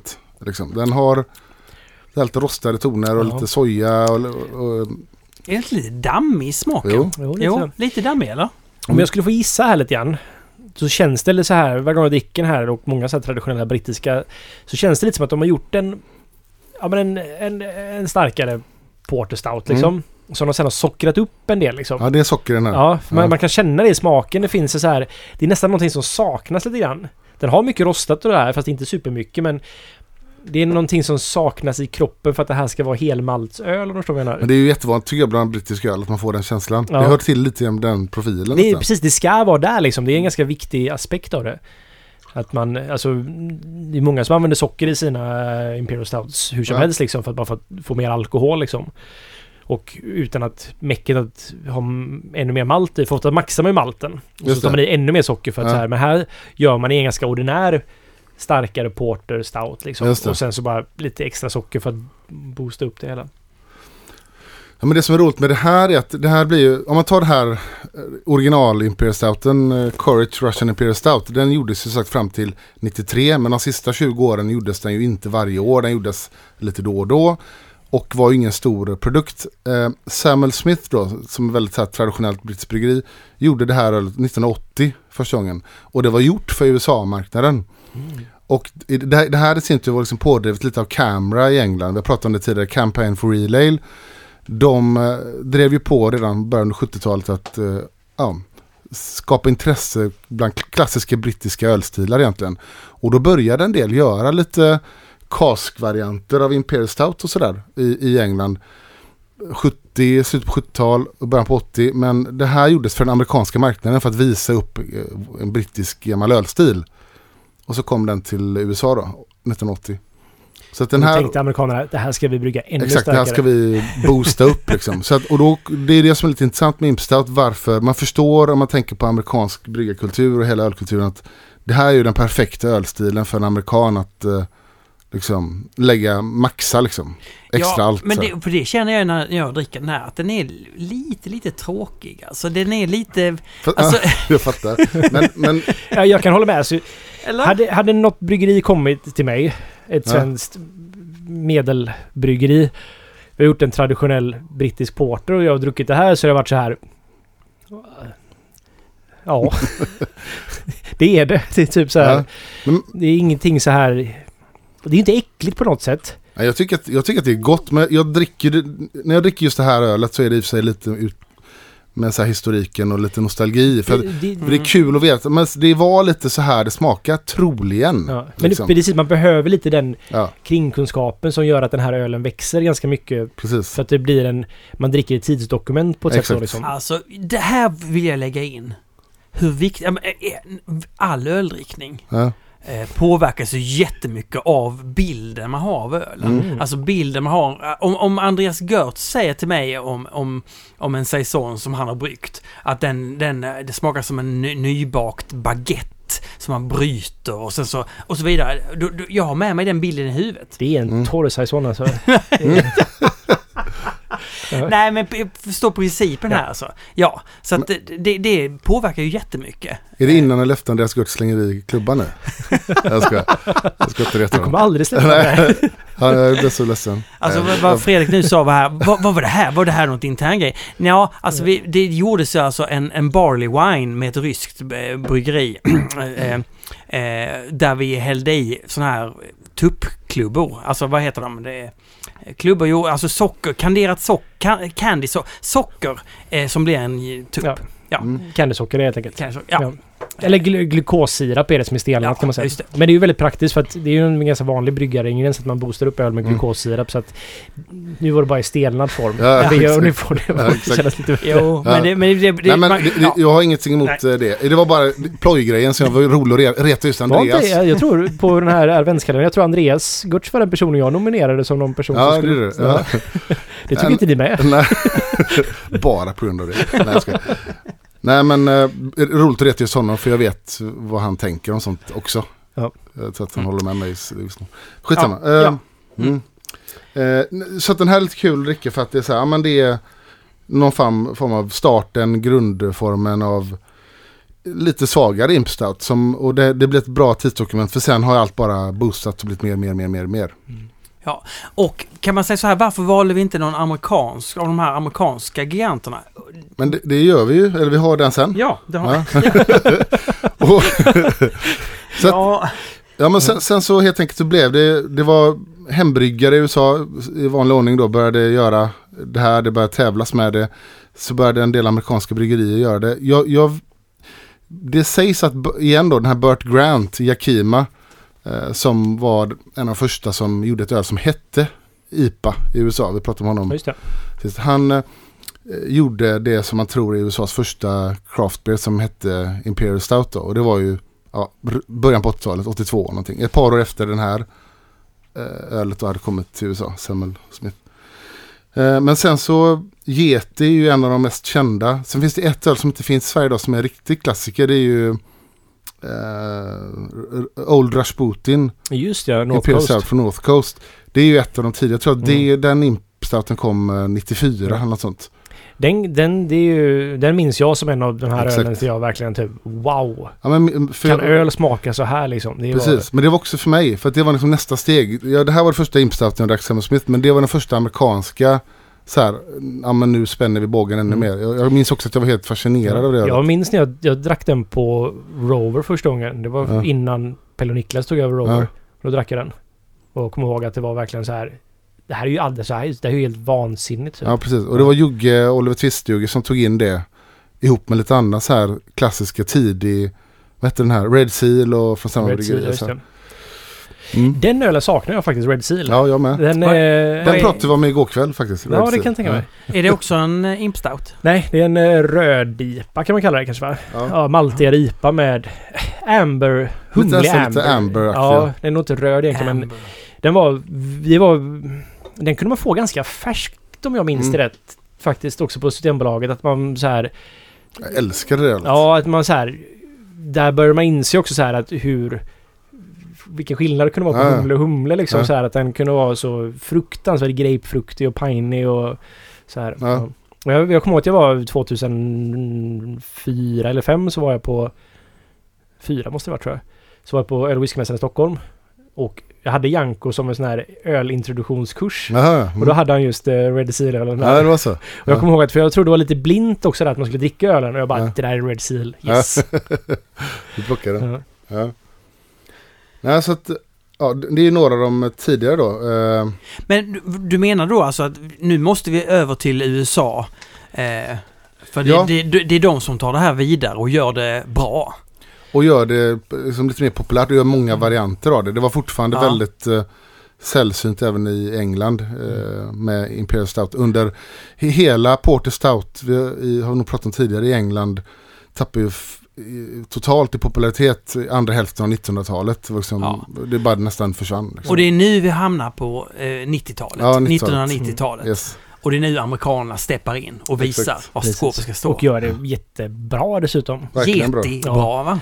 Ja, Nej, för, för jag minns ju det i min tidiga när jag, man upptäckte öl där, men, ja, men runt 2004-2005 där när jag, Mm. då jag verkligen gav mig hän åt öl. Jag, liksom att jag satsade på det på som jag tycker det här är roligt liksom. ja, Att jag liksom och då skulle testa allting på Systembolaget och så här att För mig blev ju definitionen av öl på något sätt så här blev ju då När det var hantverksöl från USA så var det Imperial Stout. ja, Och sen så var det Belgoöl och starka liksom som var liksom definitionen på det mer traditionella Europa Ja, det. liksom. Men Mm. att det var Det var mycket smak. Man vill ju ha det Mm. när man är ny i Ja, ja, sån här grej. Då vill man ha alla de här precis. lätta tillgängliga där man känner att det här smakar mycket liksom på något sätt.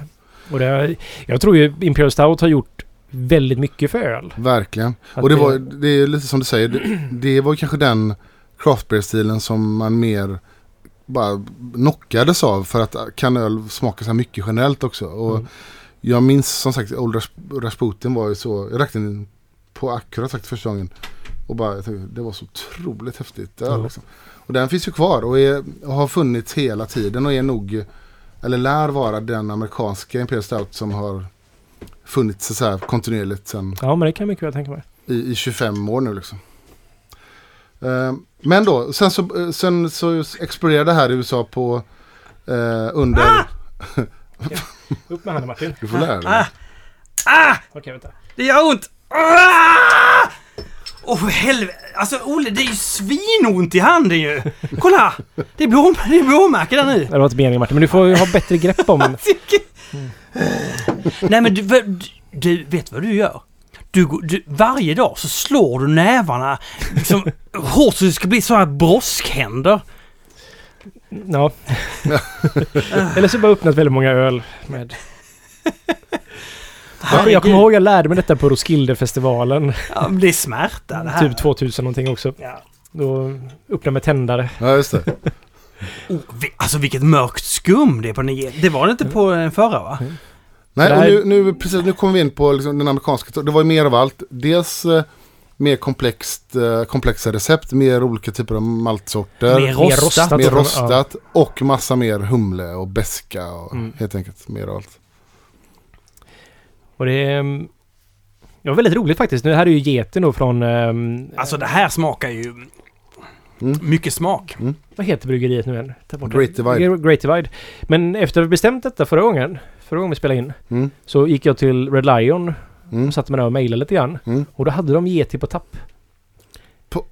Var någonstans? På Red Lion i Majorna, ja. ja. Så jag var så här, det här är ju perfekt. Så jag drack två stycken faktiskt. Och du men vad menar du med mejla? Du satt där och mejlade? Jag satt och mejlade Ja, efter att vi hade spelat in fattar. eh, och så Ja.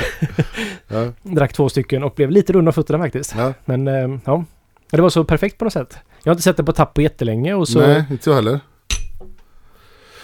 Nej men det är ett eh, otroligt bra, bra öl och det här, Mm. Det är Jag inte- humlestinn också. ja, och jag vet inte exakt vilket år det här kom, men, men det är tidigt 2000-tal. Det är, det är i alla fall eh, några år efter eh, Old Rasputin då. Mm. Den här är ju kärv på riktigt. Ja den, den är tuff liksom. Ja. Men eh, så sjukt, eh, sjukt gott. Så att, om man någonstans, jag tycker om man ska utse så här vad, vad USA har gjort för eh, liksom, återupplevt gamla öl, europeiska ölstilar. Det är, jag tycker det, är ju den här stilen som de har gjort, eh, gjort eh, bäst och gjort mest för egentligen. Gjort sig... Eller den har ju verkligen blivit sin e, det är Ja, deras precis. egna liksom. De har ju tagit till sig det som är viktigt av den, skruvat till det. Ja, Men fortfarande lyckas göra det på ett sätt som inte bara blir... Alltså... Blajigt liksom. Ja, utan det är precis. faktiskt så här, det är bra på riktigt liksom. exakt. Det Är det här Barnaby Strav också kommer in i bilden eller? Ja, Ja, men det är det faktiskt. precis. För det finns ju några sådana här amerikanska klassiker Imperial Stouts. Och en av dem är ju Dark Lord från Three Floyds. Precis. Och där kan man väl säga, det var väl den, för mig i alla fall första som liksom skruva till den redan skruvade Ja, Imperial Stouters fanns i USA. Att man gjorde den till 14 procent någonstans där liksom. och till, de olika årgångar. Till, jag tror till och med vissa har varit 16 alltså. Jag tror Ja. att det har varit lite olika. Och den med ch- choklad i och... Precis, precis. Och ja, de, gjorde, de började ju sen göra massor med olika varianter av den här och de gjorde då eh, Dark Lord Day. Alltså Barnaby Ström var ju med och skapade det här. Och han har ju berättat mycket om det här. Alltså det är ju, det är ju, de är ju, han är ju väldigt duktig på marknadsföring. Det är ju det det handlar om. att Så här, de skapar hela den här ja, metal... men, ja. konserten kring, alltså det var ju som en metalfestival där de också lanserade Dark Lord då. Mm. Och den ölen blev ju... Jag har inte druckit vansinnigt mycket Dark. Jag tycker att den är lite för mycket egentligen. Den är för söt. Men den var inte så söt i början tror jag. Utan det var något år när den helt plötsligt bara så här restsötman i den fördubblades liksom. Mm. Förmodligen inte med mening. Men sen har den ju varit så ganska mycket. men det som jag tror, det här är vad jag lite tolkar. Jag har frågat Barnaby om detta också. Ja, Han vill inte prata så mycket om det faktiskt. nej, Utan jag tror det var ett år som den inte jäste ut ordentligt. ja, okej. Så att den blev... Alltså att den blev väldigt, väldigt söt. För jag tror inte den var det innan då om det här är... Jag tror att han har ett slutvärde på, eller hade så här, några, jag testade någon, men 10-50 eller så här. Det är ju helt galet. Du, jag tror den varit ännu högre än det. Okej, ja. Men det som de upptäckte väl då var väl att folk gillade detta. Ja, Jag tror det är vad jag ser som liksom... Alltså det som kommer sen då den här pastry stouten. Att Ja. där är födseln av pastry stouten. ja, Det blev så här, oj vad sött och att det blev... Folk tyckte det var ännu godare när det var Mm, så sött mm. liksom. Och det kan jag förstå för att ibland så behöver man sötma Ja. med det här och att den blev kanske mer tillgänglig på ett sätt också. och det är nog första, vi får inte glömma nu när vi pratar om det här, för den var ju en av de första så här eh, hype eh, stout, imp stouterna. Precis. Men då har vi, kaggen eller? Kaj, precis det är det jag menar, kaggen, svenska, Mm. eh, måste vi nämna i det här sammanhanget som är, ja kanske, kanske det mest hypade Imperial Stouten någonsin i världen. Mm. Märkligt kulturbryggeri. I världen? Ja. Ja. Okej. Detta lilla, lilla bryggeri utanför Örebro. Eller i Örebro är det väl? Ja, jag har aldrig varit eh, på bryggeriet. Men eh, ja, Ska vi inte göra det? Vi snackar med dem och så åker vi upp som Ölpölen. Och så gör vi en studieresa dit. ja, men det kan jag göra. Tycker jag. En, en, liten ro, en liten rolig, alltså Barnaby gjorde ju en eh, IPA på, eh, på Stigbäts. Mm. När vi bara hade lilla bryggeriet. Det som blev Children's Village. Just det ja. Just det. Han heter ju ändå Barnaby. ja. Eh, Jaha, det har jag inte fattat. Jag trodde det var någon sån här Black Sabbath-koppling. har jag fått reda på i efterhand att det blir en av de dyraste produktionerna. För han öste i det ena och det andra och stoppade inte. Jag Men tror den, den det- blev väl 9% i IPA tror jag. Nej, 11 blev det tror jag. Den 11, Ja. För mig. Det här var ju... Barnaby har inte bryggt öl på flera, flera år. ja. Eh, han, det var inte hans roll på Three Floyds på. Han var ju det i början liksom. Sen så Mm. var han ju med marknadsföring och liksom jobbade med varumärket egentligen. Mm. Och tog fram nya öl tillsammans med, eller så här så att det hängde ihop allting liksom. Mm. Eh, jag och Simon var borta någonstans. Vi var i Köpenhamn eller något liknande. Nej, vi var i... ehm, på Vleteren Craft Beer Festival, Ströjses ölfestival. Nej, då var Barnaby med. ja. Ja, skitsamma, vi var på en ölfestival jag och Simon. Och det var så här, men kan inte jag få brygga en öl då? Säger Barnaby. Så vi bara, jo visst. När ni var borta. Ja. Ja. Så vi, vi förklarade ju allting för honom och han hade lite problem med ryggen och sådär så han hade svårt att lyfta men jag tror Ivan var där och hjälpte honom kanske. Var då han bodde på Segberget? Ja, precis. Det är ju där hela tiden kan jag säga. Men, men ehm, ja, så han ringer och frågar lite grejer. Jag bara, hur går det och sådär. Han bara, ah, och jag vet inte vad han har gjort men han fick inte ut så mycket öl. Så det, blev 11 procent. Okej. Ganska klassisk eh, trippel-IPA då liksom. Ja, ja, det. men den var inte dålig. Den- Nej, det var den inte. Det var, det var ju mer barley wine. Väldigt humlig barley wine skulle jag kanske kalla det mer. För det var ganska maltig också. Ja, men, men den var, alltså det var helt, helt... den blev ja. väldigt dyr för att vi fick inte ut så mycket öl. Det var liksom Nej, halva nej. mängden av vad vi brukar få ut på en öl. Och jag, Ja. jag vet inte riktigt hur mycket som gick in i jästanken. men jag vet hur mycket som kom ut ur jästanken. Ja, ja. Så att det var, det var spännande. Men Ja. då har jag en fråga nu. För nu nämnde du nämligen pastry stout. Ja. Kan vi inte, jag vill bara, kan vi inte prata lite mer om kaggen och stormaktsporter där först? Jo. För, För, ja, för, för lite som Olle sa, utvecklingen var ju så här. Ja, men, eh, USA, det, då kom ju de här Yeti och Old Rasputin som var mer eh, ja, väldigt så här rena klassiska eh, rostade kärva varianter av den brittiska tolkningen av Imperial Stout. Men, men det var fortfarande inga, det var inte fatat, det var inte några smaker. Sen kom eh, fattrenden då. Mm. Och det är Goose Island som startade Goose den. precis. Jag, jag tror det. De var i alla fall Ja, men jag tidiga. är Bur- rätt de, de säker på gjorde det att de riktigt var- stort. Det var så Ja. Bourbon County var ju ett så här, var, var ju det som blev den stora snackisen inom fatad imp stout. Alltså man la dem på trätunnor helt enkelt. Ja, på Ja. bourbonfat. Ja. Det, det passar ju väldigt bra för att bourbon då som dryck. Det finns lite regler för den. Den måste vara gjort i Kentucky. Så typ Jack Daniels som är en av de kändaste heter ju Tennessee Whiskey. Det får inte kallas bourbon. För det ligger typ fem mil åt fel, på fel sida gräns liksom. Ja, de får inte. Nej, de får inte lov att kalla sig Aha. för bourbon. Men de gör bourbon precis som man, alla andra Okej. gör bourbon som ligger i Kentucky då. Så att, men det, får, det heter Tennessee Whiskey. Så det måste ligga i Kentucky. Du får, du har hårt, det, det ska vara majs 50% också då i, eh, eh, ja, som du, som rå, eh, som sockerkälla då liksom Mm. för mäsken. Och så ska du ha hårt ehm, rostade ektunnor amerikansk ek med mycket kokos och ehm, ja, liksom den här vaniljiga biten man får av amerikansk ek. Alltså det är ju liksom sotat på insidan, alltså det är ju kol, kol liksom på riktigt. Mm. Och du får bara lov att använda, du får aldrig återanvända. Det måste alltid Fat, vara det. nytt fat. Mm. Vilket betyder att det blir en extrem andrahandsmarknad för bourbonfat helt enkelt. Mm. Och det är ju faktiskt så att de, väl, de säljs ju till whiskyindustrin i Skottland. Till exempel. ja, de ja. faten För liksom. de får använda. Så det använda fanns ju fat. så här, så det blev ju väldigt, Ja. det var ju en lokal ingrediens för amerikanska bryggerier att det finns ett stor tillgång på eh, bourbonfat som du kan köpa rätt billigt. Och så jag tror, jag tror det var ju Bourbon County som var den första som var riktigt och där tänkte de så här, ja men det här var ju man, det var ju så man lagrade Imperial Stout förr i tiden i England så det var ju som en rent traditionell, ja ja och vi har bourbonfat. Det är inte riktigt samma grej som vanliga trätunnor men och så blev det bara jättegott för man fick all den här kokosen, vaniljen, karamellen från den här rostade eken. Mm. Mm. Så det blev liksom, ja, ja för mig är det ju en Alltså Barley Wine och Imperial Stout på bourbonfat. Mm. Jag tycker det är så löjligt gott. Ja men det är det. Ja. Det är fantastiskt gott. Om man håller, om man håller sig inom gränserna för fatkaraktär. Det kan också bli kräkigt. Bourbon om det går för långt tycker jag. Ja. Om man har för mycket. Men det är svingott. Men, men de var ju, ja vad ska man nämna mer där? Amerikanskt. Ja men jag tänkte just, men ja. Men jag tänkte, för mig det bara väldigt roligt då att Närke gör en, Närke Kultur gör den här stormaktsporten. Ja, Jättebra, den var ju 9% där någonstans från början va? Ja. Nu är den starkare tror jag. Men, och så fatlagrar den och då kallar de det kaggen.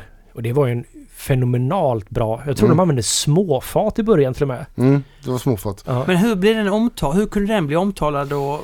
Men först gjorde de ju, 2004 gjorde de just vanliga stormaktsporten. Mm. Det är så roligt för de flaskorna, de, jag, fan gjordes det inte till, till Bishop Arms? Någon, Bishop Arms hade ju en egen... eh, Det fanns ju under flera år att köpa innan det blev den här riktiga... Ja, jag tror till och med att Henok på den tiden jobbade på Bishop Arms. Okej, ja. Och var med och köpte in, ja, jag kan minnas fel här nu, jag för mig han har berättat en gång att han var med och köpte in det till Bishop Arms. Okej. Mm. Så han har ju haft ett långt samarbete med Närke på det sättet.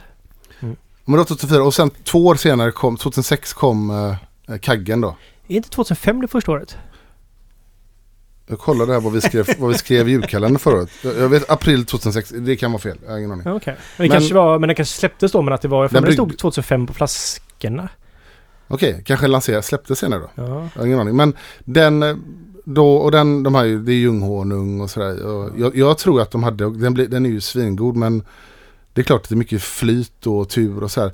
Och då ska man komma ihåg att det här var ju i, liksom, i när Ratebeer började bli riktigt, när nördarna verkligen började använda Ratebeer och sånt väldigt Precis. mycket. Så och då fanns det en stark dansk maffia av Ja. Ratebeerianer som jag tror hypade upp den här ganska ordentligt. Ja, och de träffades, de var ju på träffar i Sverige, Ratebeer-folk som flög dit och satt och drack öl tillsammans Ah, på, på Rover och andra ställen. Så här. Ja. Och då, då, det blir ju väldigt mycket så här intern kult tänker jag. Ja. Mm. Så här, alla, vi får in något svingott här, alla bara, det här är ju femma liksom. Ja. Och sen så blir det FOMO på alla i USA som Mm. ser att de här, det, Ja. det här ratas jättehögt. Ja. Den vill vi också ha så det blir som en vit val som de kan få tag i riktigt. Och det, alltså när det inte finns tillgång på någonting, det är ju det bästa som finns för Jajamän. att få upp en form av hype på det hela. Ja, och den var ju så, eh, han Alex Kidd som här Don't Drink Beers, han säger ju att ehm, Kaggen är, han påstår att det är, han, enligt hans analys då, så är Kaggen världens första vita val. Och någon, om någon vet det så borde det vara han. För att det, Ja, det är klart det fanns redan innan så att det fanns hypade öl i USA. Men det här var ju det första som folk betalade ju sjuka pengar för att få en flaska till USA. vi hade en fråga tidigare idag, eh, när du inte var med, Ja. som var den bästa kvällen med vilka öl man drack. Jag kom precis på en kväll jag hade på Rover som jag borde sagt egentligen. Det var när Pelle jobbade, så det här var nog 2006 eller 2007. Och jag var inte så rik. Jag jobbade på posten eller pluggade, jag kommer inte riktigt ihåg. Och jag så här, hade sparat ihop pengar för att köpa då kaggen som de hade. Det är så här 20 centiliters flaskor, eller 25 centiliter. Som stod i kylen och det var första årgången. Mm, Kommer jag ihåg. Och så... Det kostar 400 spänn minns jag på Rover. mm, Det är ganska mycket pengar. Det här är ju 2006 eller 2007 då. mm. Och Oj. Med inflation och grejer så är det säkert mycket mer pengar idag. Men, så jag sitter där och så bara, men nu, jag är där själv. Jag bara så här, jag, jag ska köpa den här nu. Mm. Så jag, Pelle, jag, vill, jag ska ha kaggen här nu liksom. Mm. Han bara, ja visst. Och så sitter och dricker och bara så här. Fan, det smakar ju inget fat eller något liknande så här. Den, bara, den, så här, den var, jag var lite besviken. Det var en jättegod öl. Så jag drack upp hela och så bara tittade jag på flaskan och så står det stormaktsporter på den. Mhm. Så bara så här, Pelle men jag köpte ju kaggen, det här är stormaktsporter. Han bara, oj ja du fick fel. Vad öppnade den till då? Så öppnade den kaggen till mig också, så fick jag Ja, dricka den sen. Ja. Så det var, det var en väldigt, det var en, eh, jag fick, för stormaktsporter kostade ju typ 200 eller 300 kronor. Bara den, den var också Men en, du var själv, det är mest minnesvärda kväll när du satt själv och drack eh, Impstout. Det är roligt. Ja men jag, jag kommer ihåg att just att jag liksom så här hade sparat ihop pengar för jag var så här, nu ska Ja, jag ändå bränna en ganska Ja. stor mängd pengar på det, vilket jag tyckte var helt bisarrt liksom Ja. på den tiden. Jag, det var liksom löjligt mycket pengar. Alltså en, Mm. en 40 centiliter på Rover på den tiden kostade under 50-lappen Ja, just det. av en IPA eller liknande liksom. Så det var väldigt, väldigt mycket pengar Ja, tyckte jag. ja vad häftigt. Ja, men just att jag fick två för köpet av den. Ja, bra. Två för den. Ja. Men okej, men eh, vi har hypade öl eh, och den första vita valen. Mm. Men vad händer sen? Alltså, vad, hur tar vi vidare Ja, här? som, Alltså, om jag ska få ta en liten cynisk bild av jag så här, för att det här blev ju en grej med Rate Beer och den här efterfrågan på öl blev ju en, alltså Rate Beer blev en väldigt stor maktfaktor i detta. mm. Och för mig känns det som att bryggerier blir bättre och bättre på att gamea Rate Beer. Ja, ett ja. sätt. Mm. Att som vi sa, de 50% av allting på topp 100-listan är liksom Imperial Stouts. Så det är ganska lätt för ett bryggeri som vill sälja öl med mycket marginal att bara så här, hmm, vi kanske ska göra en Imperial Stout. Hur gör vi det här på Mm. bästa sätt så här?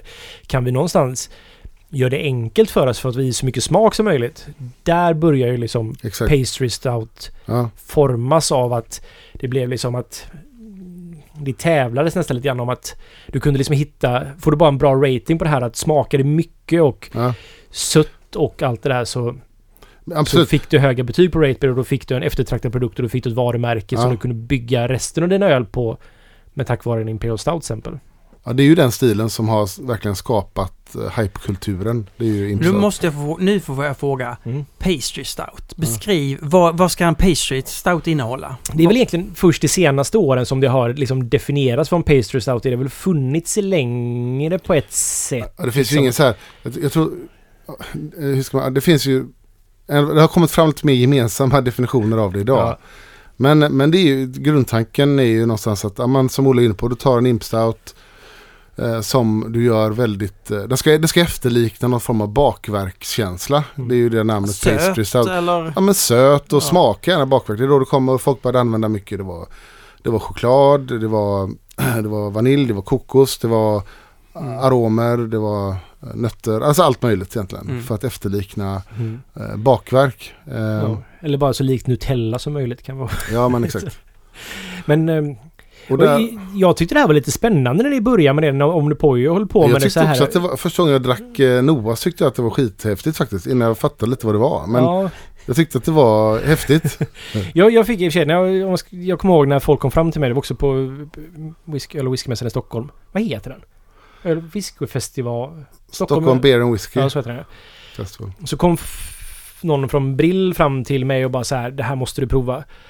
Och jag kommer ihåg, tar en klunk, spottar ut det bara så här, det här var det värsta jag provat i mitt liv. Vad fan är det här? Då var det Yellow Belly som var med Mm. jordnötsaromer i. Det, det, det där, där någonstans tog det stopp för mig liksom. Jag gillar inte ens kokos men jag kommer ihåg att jag tyckte det var intressant när de hade haft kokos. Mm. Jag tyckte det var lite roligt också när man har haft så här eh, hasselnöt, det är vad som är Nutella. Mm. Det fanns, Ja, där, det funkade så här men någonstans där så blev det som att så här, nej men det här, nu tycker jag inte det här är roligt längre. Det där var så, nu har det gått lite för långt. Den blev ju jättepopulär och folk uppskattar och det köper jag liksom. Mm. Men för mig var det som att där tog det någonstans stopp i det hela liksom. Jag tyckte när jag drack Noah förstår jag att det var skithäftigt. Och Men Noah kommer väl efter Yellow Belly va? Jag tror att de gjorde det, ja. Eh, jag är inte säker, är det så? Jag är inte heller säker. Det här flyter ihop väldigt mycket för mig. Ja, jag jag vet inte riktigt heller. Men sen så, sen så när jag började fundera lite mer på det, var, men, så, så var det mer det här, men det här, det, det blev så väldigt tydligt artificiellt för mig. Det var inte, kändes inte helt, eh, Nej, och det, rätt, nog, det är liksom. lite det jag, det jag- det stör mig på i ja. med Yellow Belly. Att det här kändes som att man inte hörde hemma riktigt. Det, Nej. det var så en övertydlig arom och smak av Mm. jordnöt är det va? Yellow belly, Ja, skitsamma. Det är någon det är nöt. pekanet i, ska I, väl i i, Noah är det väl? Noah. Ja. Ja, men jag, jag är osäker. Ja. Men jag tycker fortfarande det var väldigt roligt när de höll på med allt det här. Mm. Att betrakta det. det var, jag insåg att det här var inte en stil för mig riktigt. Och då ägde lite Omnipojo det här konceptet för mig på ett sätt liksom. Jag tyckte det var väldigt så här att ja men det var bakverksinfluerat och att det var ganska men det är, det är kreativt och roligt på ett sätt liksom. Men jag känner själv att det här var inte någonting för mig för jag tyckte inte det var så gott liksom. Nej. Och det var ju, jag vet inte om du minns men Funky Buddha är ju ett, ett av de bryggerier som man, man säger så här, men det kanske var ett av de, de som startade den här vågen. Mm. För de gjorde ju ganska tidigt eh, öl som smakade, skulle smaka just eh, efterrätter och sådär. Det var ett amerikanskt Ja, bryggeri. Miami Ja. Mm. är det väl va? Ja, det är det. Funky. Ja, mm, jag är osäker faktiskt. Eh, för jag minns att jag drack det på eh, Mick eller NBCC första, det heter det inte så, NBC, eh, första CBC. CBC, första eller andra året. Mm. Och då, det var så här, då märkte man att det här blev en, det var ju folk gick där, det var en sån jävla snackisgrej liksom. Kan man göra ölsmak och så här. Och det, sen har ju den vågen bara exploderat och gått lite olika, gått lite olika riktningar den också får man väl säga. Okej, men och då har vi kommit fram till nu, nutid. Mm. Vad är, hur ser det ut idag liksom? Hur mår Imperial Stouten idag? Den mår ju bättre än all, som Ja. aldrig någonsin förr tror jag egentligen. Det är väl, den Ja. är ju så... Det är ju en volymprodukt idag för många bryggerier liksom. Alltså Nova säljs ju på nästan alla bolag i Sverige Ja. tror jag. Och, Mm. eller Aeon som den heter nu då. För någon varumärkestvist. Men Och det är mycket värdeprodukt, man kan ta mycket betalt för. för precis. Mm. Och, Jo, ja. Men... ehm, men vi- det, för mig är det så här, som det här med Three Floyds då när Dark Lord blev att den blev så söt. mm. Och det för mig är någon form av före och efter på något sätt. Liksom att, för det var ju många som försökte efterlikna den här ölen och då var det som att ja, men det ska vara hög restsötma. Det blev som att Mm. Det här, det här rostade med som geten och kanske är hårt rostad med så tydlig humlekaraktär. Mycket beska, strävt och motstånd. Det blev så här, jag kommer ihåg själv hur i hembryggarforum hur man snackar om ja men jag vill ha en så len och söt Imperial Stout som möjligt. Mm. Inte, inte det här liksom lite svåra då som Imperial Stout haft tidigare. Så det är lite så här före och efter för mig och Ja. Jag tror väl att man kanske kommer gå ifrån det här. Jag, jag tänker att det finns plats för det, det hårt rostade och det här liksom lite mer klassiska också i Mm. Imperial Stout. Alltså även om mer likt get till exempel. Ja. Jag tror också att det går lite åt det hållet. Plus mer, alltså fatgrejen kommer nog förfinas ännu mer. Mm. Och folk lär sig lite mer hur man ska hantera fat. För det har varit väldigt mycket så här att man, man lägger det på bourbonfat. Nu är det väldigt mycket snack. Det finns en del så här side project, de här som är eh, extremt hypade för liksom och ses som väldigt duktiga hur de använder fat. Och att det finns så jävla mycket jag tror att det blir en förfinad kunskap om hur, Mm. hur, hur du använder fat. Verkligen. Där är- tror jag också, för där finns det väldigt mycket. Och jag, jag idag, jag tog ju faktiskt med mig lite grann till er också av en fatlagrad Imperial Stout som vi kommer släppa under Simologic. Som inte riktigt blev vad jag tänkt från början så därför la den på fat och så jag hoppas att det blir bättre liksom. Eller det var inget fel på den från början men det är bara att den var... Det var inte vad jag hade tänkt mig så jag kunde inte släppa den som den ölen skulle varit. Men... Och jag märker ju, så det, det här är ju, jag har ju ingen aning om vad jag sysslar med med fatlagring för att det är ju helt nytt för mig. Men jag testade då åtta fat idag och det här är då från två av de faten en blandning faktiskt. Och det är Jack Daniels och Woodford Reserve. Ja, det doftar ju fantastiskt. Men och där, där märkte jag, jag märkte ju stor skillnad på de här två faten. Mm. Och så har vi ytterligare ett tredje fat som inte alls ger lika mycket karaktär som de här har gjort till exempel. Så att för oss är det väldigt så här, det här är ju en färskvara för du vill ju ha ett nytummt bourbonfat med rätt typ av bourbonkaraktär och sådär. Och här är ju vi i Europa. Mm. Vi har ju inte den lyxen att ha bourbon. Jag får ju, alltså det tar ju en månad för det att skickas till vår agent i Europa. Och sen så tar det två veckor för att komma till oss. Vi får ju dem som bäst sex åtta veckor efter att de kanske är tumda. Ja. Och vad jag när jag snackat med dem. Okej. Och- Alltså jag gillar... Ja. Och, och du har sagt och. Men, Men... men jag tycker Ja. när jag dricker det här, för jag gissar att det inte är massa choklad och grejer i den här. Nej, det är inte. Det här är ju enormt bra tycker jag. Och så här har ju så jävla mycket av de sakerna som man försöker efterlikna i en pastry. Så ibland undrar jag så här, men den har ju faktiskt mycket av så här Ja, den har ju jättemycket vanilj och choklad sötman, och... vanilj. Ja. Men, men sen, är om man dricker det varför ska man, eh, man behöver inte göra så mycket mer.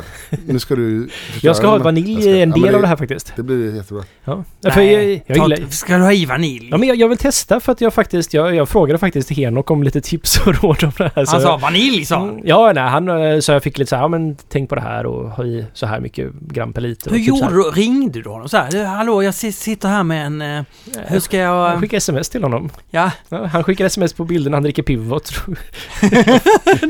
ja. Men vi har ett utbyte. Han frågar ibland saker om andra saker. Så man hjälps åt inom branschen. Nej men jag- vet inte vad, men det ska bli, jag vill mest bara testa det för att jag, jag tycker fortfarande att vanilj är en ganska spännande ingrediens att ha i. Så länge man inte övergör det. Så jag ska testa att ha ganska mycket i. Det smakar lite vanilj. Ja men det kommer ju från, alltså. Amerikansk ek Mm. har ju då jättemycket vanilj. Det kan Mm. man ju tänka när man dricker amerikanskt vin också. Mm. Får ofta väldigt mycket vaniljtoner. Mm. eh, sig. Men du vill ha mer helt enkelt. Jag vill ha lite, för att den här är som sagt, den blev 14% den här. Den här skulle varit mellan 10 och 12 siktade jag på. Hell, he, Oh, du har gjort, men du har gjort en, en Barnaby där. Ja, men... Ja. Det, ja, fast jag... Men hur vet du att den är fjol... Alltså vad vet du vad du har fått ut av fatet? Det vet du inte. eller? Nej, jag vet inte hur stark den är. Den är säkert ännu starkare nu liksom. Ja. För den har säkert sugit upp och avdunstat lite. Ja, Så jag ska faktiskt skicka den till äh, alkoholanalys här nu. okej. Så den, jag skulle gissa att den är upp mot 14-15 liksom. Men den är väldigt god. Efter att ha druckit Yeti och den här Samuel, alltså jag tycker den, den här, de här whiskytonerna är ju väldigt behagliga. Bourbon-toner får du säga. Ja. Men ja men det är ju två helt olika grejer. Jag bara är det helt olika? Ja det är det. Är whisky och bourbon helt olika? Ja, ja, det får jag säga. Okej, du har ingen rökighet i bourbon? Nej, det har du aldrig. Och det behöver du inte alltid ha i whisky heller. Nej, men- i och för sig inte, ja. men... men eh, Ja. Nej, Nej, men okej. det är mycket, mycket, mycket mer fatkaraktär då en bourbon. Alltså trä... en, trä. en i en whisky? Ja. För du lagar inte whisky på ett träfat, eller vadå? Jo, du lagar dem på gamla bourbonfat ganska ofta. Ja, på bur- Vi snackar ju om det här för... ja, ja, ja, ja, ja. Jag kommer inte ihåg någonting. Nej. Nej.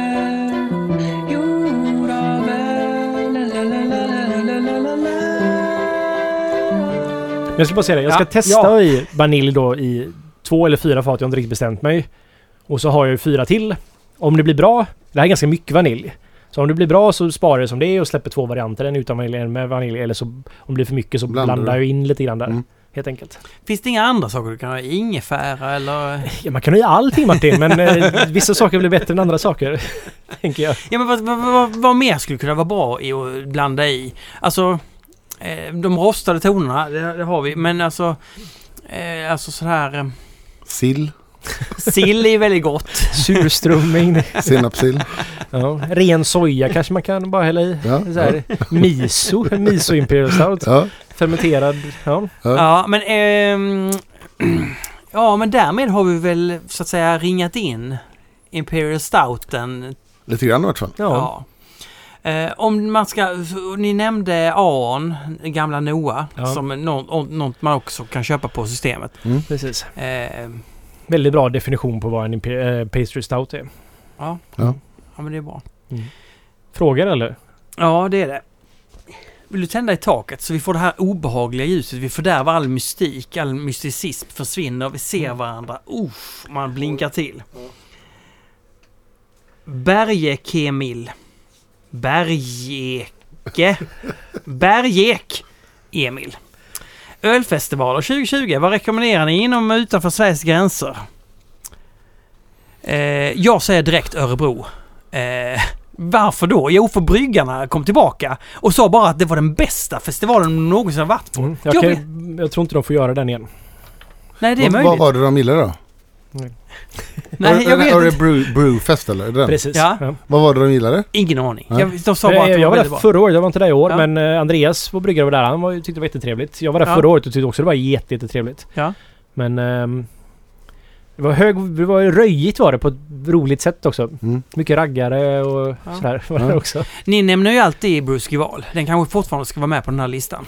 Ja, och svenska festivaler så Absolut. tycker det tycker jag. Sen eh, för mig är det så här, jag, jag går ju tillbaka, jag gillar Italien väldigt mycket.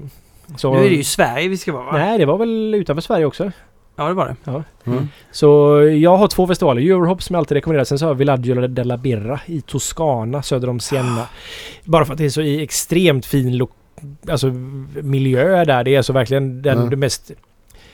Om man, om, om man liksom har en bild av hur To- Toscana ser ut liksom. Mm. Och så gång, gångrar man en gång till. Mm. Så ser det ut där. Och så är det liksom hälften är belgiska bryggerier, hälften är väldigt bra. De, alltså du blir oftast inte inbjuden två gånger där förutom de belgiska då. Så jag var där förra året med OO. Hill Farmstead var där i år. Eller ja, förra, året var där med OO, förra Okej. året var Hill Farmstead där. Så att den här andra halvan bjuder de in nya hela tiden så det är väldigt rullerande och det kan vara högt och lågt men det är alltid väldigt spännande bryggerier Mm. på ett något sätt. Och Kauska, din gamla kompis, är där och Ja. Ja, håller stämning. Häftigt. Eller håller hov kan man kalla det. Jag har inte varit där. Nej. Men det är en riktigt bra Det som festival. är fint med de italienska festivalerna är ju att de är så avslappnade. Till, alltså de går inte in och hetsdricka utan de, de flanerar runt, de har barnen med sig, de käkar en glass. De Ja, är, alltså det, det är liksom en väldigt, väldigt... eh, Så, när vi var där så... det var... Vi flög från Köpenhamn jag och Olof. Och vi, Olof missade flyget. Vi hittade ingen parkering för vår bil. Den är så hög så vi tänkte inte på att vi kommer inte in i parkeringshuset. Så jag fick hoppa av och springa och han precis med flyget och Olof fick ta ett senare flyg. Mm. Men så vi kom dit lite försenat för att mitt flyg var sen försenat. Jag, Mm. ja, anslutningsflyg. Kommer dit, så har hyrt bil och är jättestressad och bara hoppar rakt in i festivalen och så är man där och så kommer Olof mot kvällen sen och så andra dagen så inser vi att det är också på söndagen. Mm. Så att det är en dag till. Vilket vi inte hade fattat. Det är ju väldigt vanligt i ja, södra Europa att man har liksom fredag, lördag, söndag. Ja. Och söndagen är den liksom, det är den riktiga dagen. ja, det. Och Olof var tvungen att åka hem så jag sa ja men då får jag väl boka om min flygbiljett och stanna en dag till liksom. För det är inte det, man har inga funktionärer som hjälper till med serveringen i någon större Okej. utsträckning så man behöver vara där. Och jag var så här, ja ja visst, det är väl, det är väl fine. Men så jag var lite trött och lite sleten för det var ändå en vi bodde i ett jättefint så här villa på toppen av en kulle tillsammans med Malmö Brewing som var Okej. där också. Mm. Väldigt roligt var det. Det var väldigt lite härjigt men Italien är ju fantastiskt. Ja, men sista dagen på den här festivalen så är det ett live eller coverband för Queen Mhm. som var Alltså det var så nära originalet jag tror man kan komma liksom. Det var så fruktansvärt bra faktiskt. så det var, det var en... Ja. Jag kan Ja, rekommendera festivalen. Men om vi ska gå utanför Italien då? Vad, Vi har en väldigt rolig story om Ita- Italien igår i sig, om vi har tid. Ja, absolut. Vi har hur mycket tid som helst. Vad heter han eh, som har, vad heter han, Italiens? Ja, Manuele. Manuele, jag hörde en rolig story om honom som Jugge berättade. När, när Jugge och de hade 25-års eh, eh, jubileum på Oliver Twist. Ja. Så var han bjuden, Manuele, och det var ju massa folk där, det är som olika människor. Och eh, så ser Jugge här på kvällen att det är, det är italienare där. Och de är, de är ganska säga, ibland lite sämre på engelska. Det har säkert du tänkt på. Att de, I, eh, det är ju av äldre generationer så kan det vara obefintligt ibland. Ja. och då frågar han så här, Jugge frågar honom så här, bara, vad är, frågan om italienska det, men vad är Manuele så där? För han hade sagt att han skulle komma nämligen. Ja. Och så bara säger hon, he had a heart attack. Och så bara går hon vidare. in i vimlet. Och han bara, vad sa hon?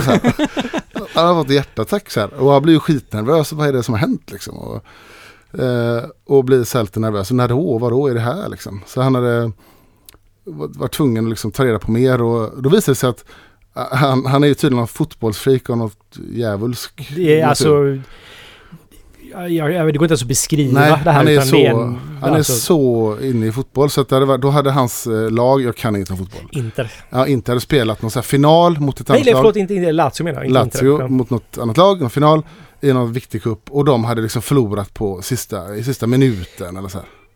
Nu vet Olle Ja, detaljerna ja men undrar om inte den var till och med mot Roma. Alltså, som är då den stora konkurrensen. Lazio är, Lazio är regionen som Rom ligger i och Roma Ja, och Lazio är de två stora lagen medan Roma är ju det storstorlaget. Lazio är underdoggen kan man säga. ja okej.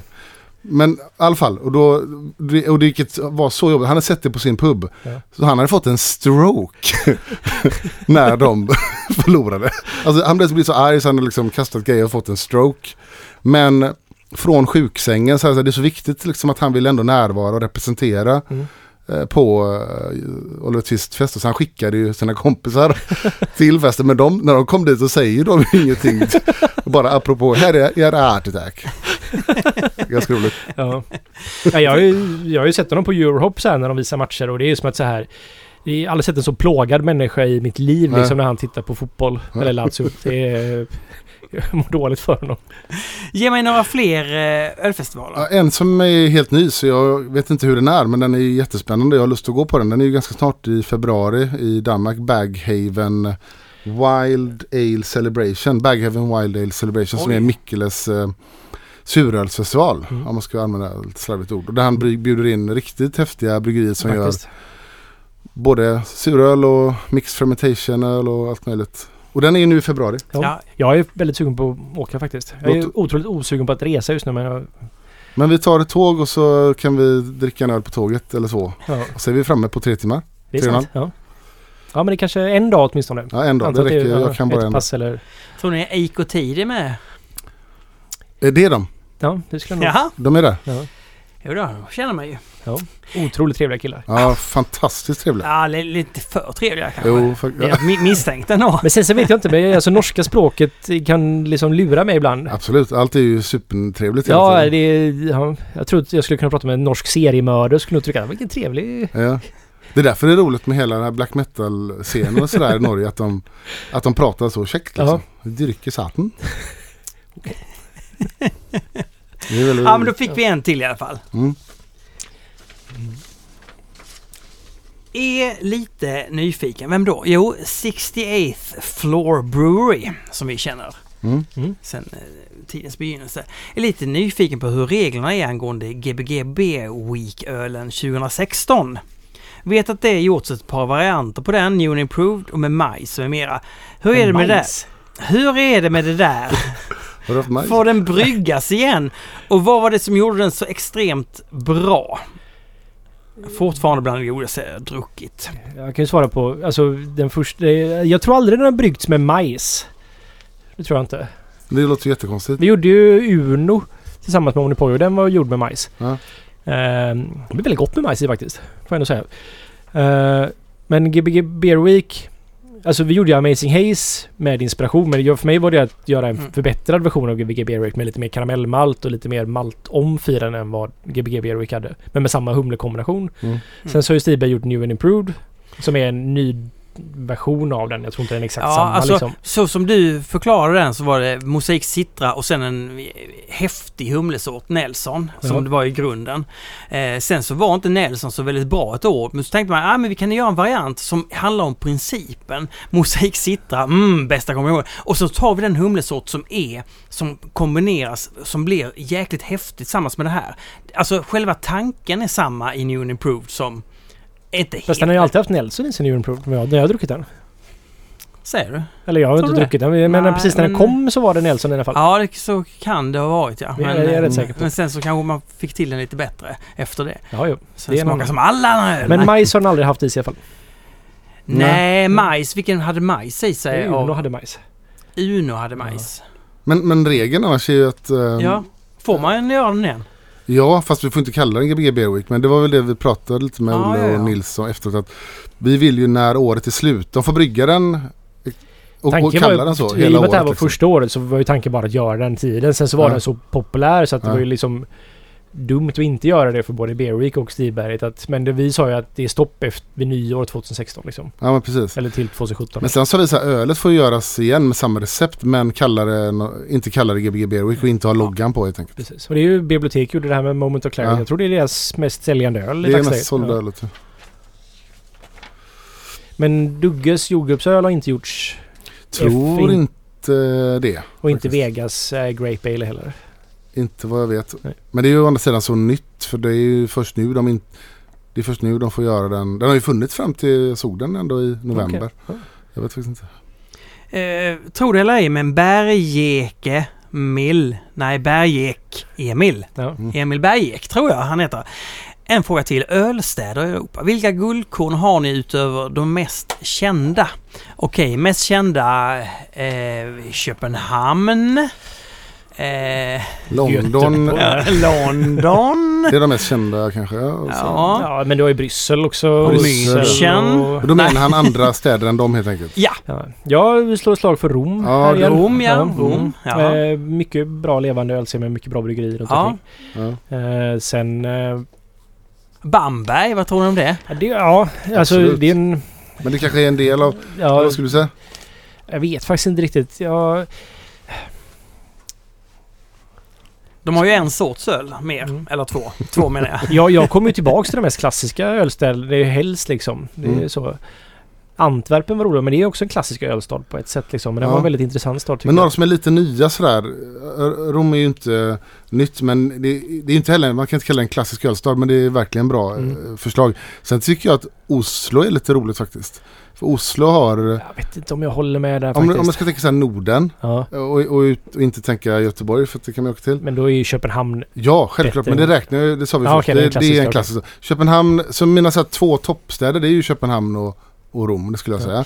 Men mer än, då tycker jag att Oslo är lite kul att åka till. För att det, där finns det lite roliga grejer nu. Ekotid, sitta där och dricka deras öl. Och, Det skulle vara ekotid. mm. Men... Eh, ja. ja men jag, Så- ja, nej, jag har inte haft någon jätteupplevelser i Oslo Man faktiskt. alltid jag har nästan varit lite besviken. Man Nästan. kan alltid gå ner i scoutkällaren ja, och få det riktigt mörkt. Och de brygger ju lite eget. precis. Och, det är ju, det, kan ju ja. vara som det är. Sen så faktiskt, alltså Mm. bara... eh, Göteborg är en bra ölstad. Ja. Det finns väldigt mycket bra bryggerier här men om jag ska vara helt ärlig så jag föredrar att dricka öl i Stockholm för jag tycker Ja. liksom Omnipoys Hatt, Akkurat Oliver Twist, liksom Summen. Det är, Vi pratade om det igår också. det är så mycket bättre öl serveringsställen i Stockholm. För Göteborg, alltså. Brewers Beer Bar är trevligt. Haket är fantastiskt trevligt. Liksom Red Lion är också en bra pub. Ja. Liksom Ölrepubliken. Tycker inte är lika spännande som det var en gång i tiden. Men... Och Rover, alltså Rover Rover, de har 32 kranar liksom. Men jag kan sakna kureringen av... Det är för många öl att ha på ett ställe liksom. Det blir lite så här...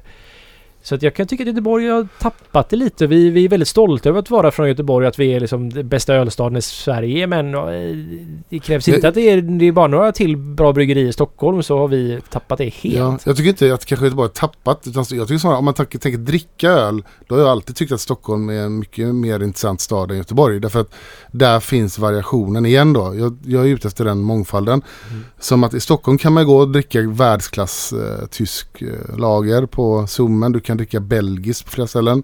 Du kan dricka brittiskt, real ale på Mm. många ställen. Du kan, alltså de har extremt bra eh, ställen som har öl. Ja. som har väldigt tydlig identitet och sådär. Sen har de inte kanske bryggerikulturen och den typen av samarbetsklimat.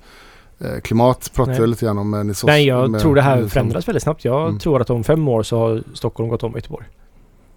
Eh, Utifrån eh, båda aspekterna. Som helhet kan man Ja, säga. Som ja. helhet. Så, för jag, jag tycker att Göteborg till och med har blivit sämre. Det alltså, vi har två Brewers Beerbar. Brewers är jättetrevligt men det är liksom så här du kommer dit och det är lite samma öl varje gång. Jag hittar inte den här mångfalden. Jag vill dricka belgisk. Vi har vi resa, tre små rum. Men det är inte heller så här en fantastisk upplevelse heller på det sättet. Det är inte dåligt på något sätt men det är bara så här... Eh. Och, Mm. det är liksom, vi har ingen riktig så här spets i det hela just nu. För liksom... Det är, Nej, lite, men- det är lite all, det är liksom det är hazy ipor överallt och... Eh, Ja men vi Ja. kommer säkert få skit för det nu. Men det är lite, det är lite så. Det, är lite bland, det, är lite, det finns inte samma tydliga profil då, på de ställena som finns tycker Nej. jag. vi Eh, saknar lite ölkultur liksom på något Ja, sätt. lite så. Skit och skit alltså. Eller vi, vi har vår egna men det är bara den som finns liksom. Ja. Nu rantar jag slut här. Ja. Nu ska vi avsluta innan, sen ska vi, ska vi komma på, sen ska vi komma på, hur som helst, jag avslutar här i frågestunden med Kullan och Paugen. Mm. Vilken är den gubbigaste ölstilen? Mm. Eh, ja, alltså... eh, Jag gillar att du sparar den när jag, tills jag kom. ja men det finns ju bara ett svar på den frågan. Ja. För, jag, jag tror Ja. vi har samma kanske. Ja. Ja. Vi, säger, vi säger det på tre. Vi Ja, säger ett, två, Rauchbier. Mild skulle jag säga. Mild! Ja den är gubbig. Men Rauchbier, liksom. Ja, det, det är nog fan Ja. sant, den är nog gubbigare. Det är det nog. Men jag vet inte, jag... Mild. Ja, Mild är en väldigt gubbig ölstil också. Ja det är det ju. Men, eh, men ändå så här Inget ont mild. om Peter. Men, Ja, Peter är gubbe. Men, men jag får ändå lite en känsla att det finns ändå en del brittiska nya bryggerier som gör lite mild nu som kanske torrhumlar lite mild. ja. Det är lite sådär, Rauchbier är ju ingen som tar i med tång liksom. ja. Nej men okej, så gu- gubböl definieras av att det är ingen som vill ha det. Eller Ba- att det är det bara bara, gubbar som Det har är det. bara, precis, det är bara gubbar som vill ha det. Precis, så får det definieras. Mm. Eh, det är bara gubbar som kan tänka sig att dricka en rökel. De är inte många, men de som gör det, det, det är gubbar. Ja. Mm. Mm. Ja men det är nog sant. Rauschberg är nog Ja. gubbigare än Mild faktiskt. Ja. Men alltså det som, är, det som vi hela tiden aldrig vågar plocka i, det, det plockar vi nu. Alltså, Ja. Nu ger vi oss in i det här och tar den populäraste ölstilen i. Sverige. Det är dags att till nästa avsnitt dricka Pripps Blå. Mm. Ja, det är inte, det är inget kon- alltså vi, vi skrattar för vi tycker så här, åh det är lite konstigt så här. Jo men eh, den säljer en del. Mm. Eh, den är en väldigt bra eh, sti, alltså typisk för sin stil. Jag kallar det för Dortmund och export men Ja. du säger mer industriell lager. Internationell Internationell lager. lager. Internationell, inte industriell lager. Det kanske också är industriell. det är, jo det är det definitivt. Internationell lager alltså. Nej, men det finns ju mycket runt omkring det här. Själva ölen i sig är ju inte spännande i sig. Det här är liksom, den är ju ett medel för att kunna få prata om det som dricks absolut mest av internationell lager. Ja, Ja. Och, och nu inser jag på när vi efterhand att den är ganska bra utifrån det som du sa i pausen att ehm, om man ska, den här öl, typen av öl, internationell lager är ju buret av, det är ju liksom marknadsföringens eh, intåg i ölvärlden som tog över. Som gjorde det här stort liksom. Och Mm. Pripps Blå borde ju vara eh, det första så att säga i, i moderna Sverige då i alla fall marknadsförda ölet. Hela det här blå blå Ja, just det. och det var verkligen, det var ju Sveriges mest sålda öl i ganska många år och, och drivet rätt mycket av kommunikation och sådär. Det är lite Precis. kul. Ja, ja men det är Ja. faktiskt. Men då, Så... ehm, Alltså, jag, man kanske, alltså många har ju säkert druckit den här ölen redan så de vet hur den smakar. Ja. men eh, ja. Då tackar vi Ina som åker... eh, Hon säger så här att ja, men det är bara skönt att klippa era avsnitt för då, det spelar ingen roll hur långa de är. Det, det är så enkelt och eh, mysigt att lyssna på er. Och det är ju, det är ju härligt. ja, Ja, ja. jag tycker Ja. fortfarande synd om henne att hon började men göra vi det. tackar för, Ja. för den fina klippningen. Precis. Och så kan man gå med i Svenska Ölfrämjandet. Och så ses vi om en månad. Mm. Mm.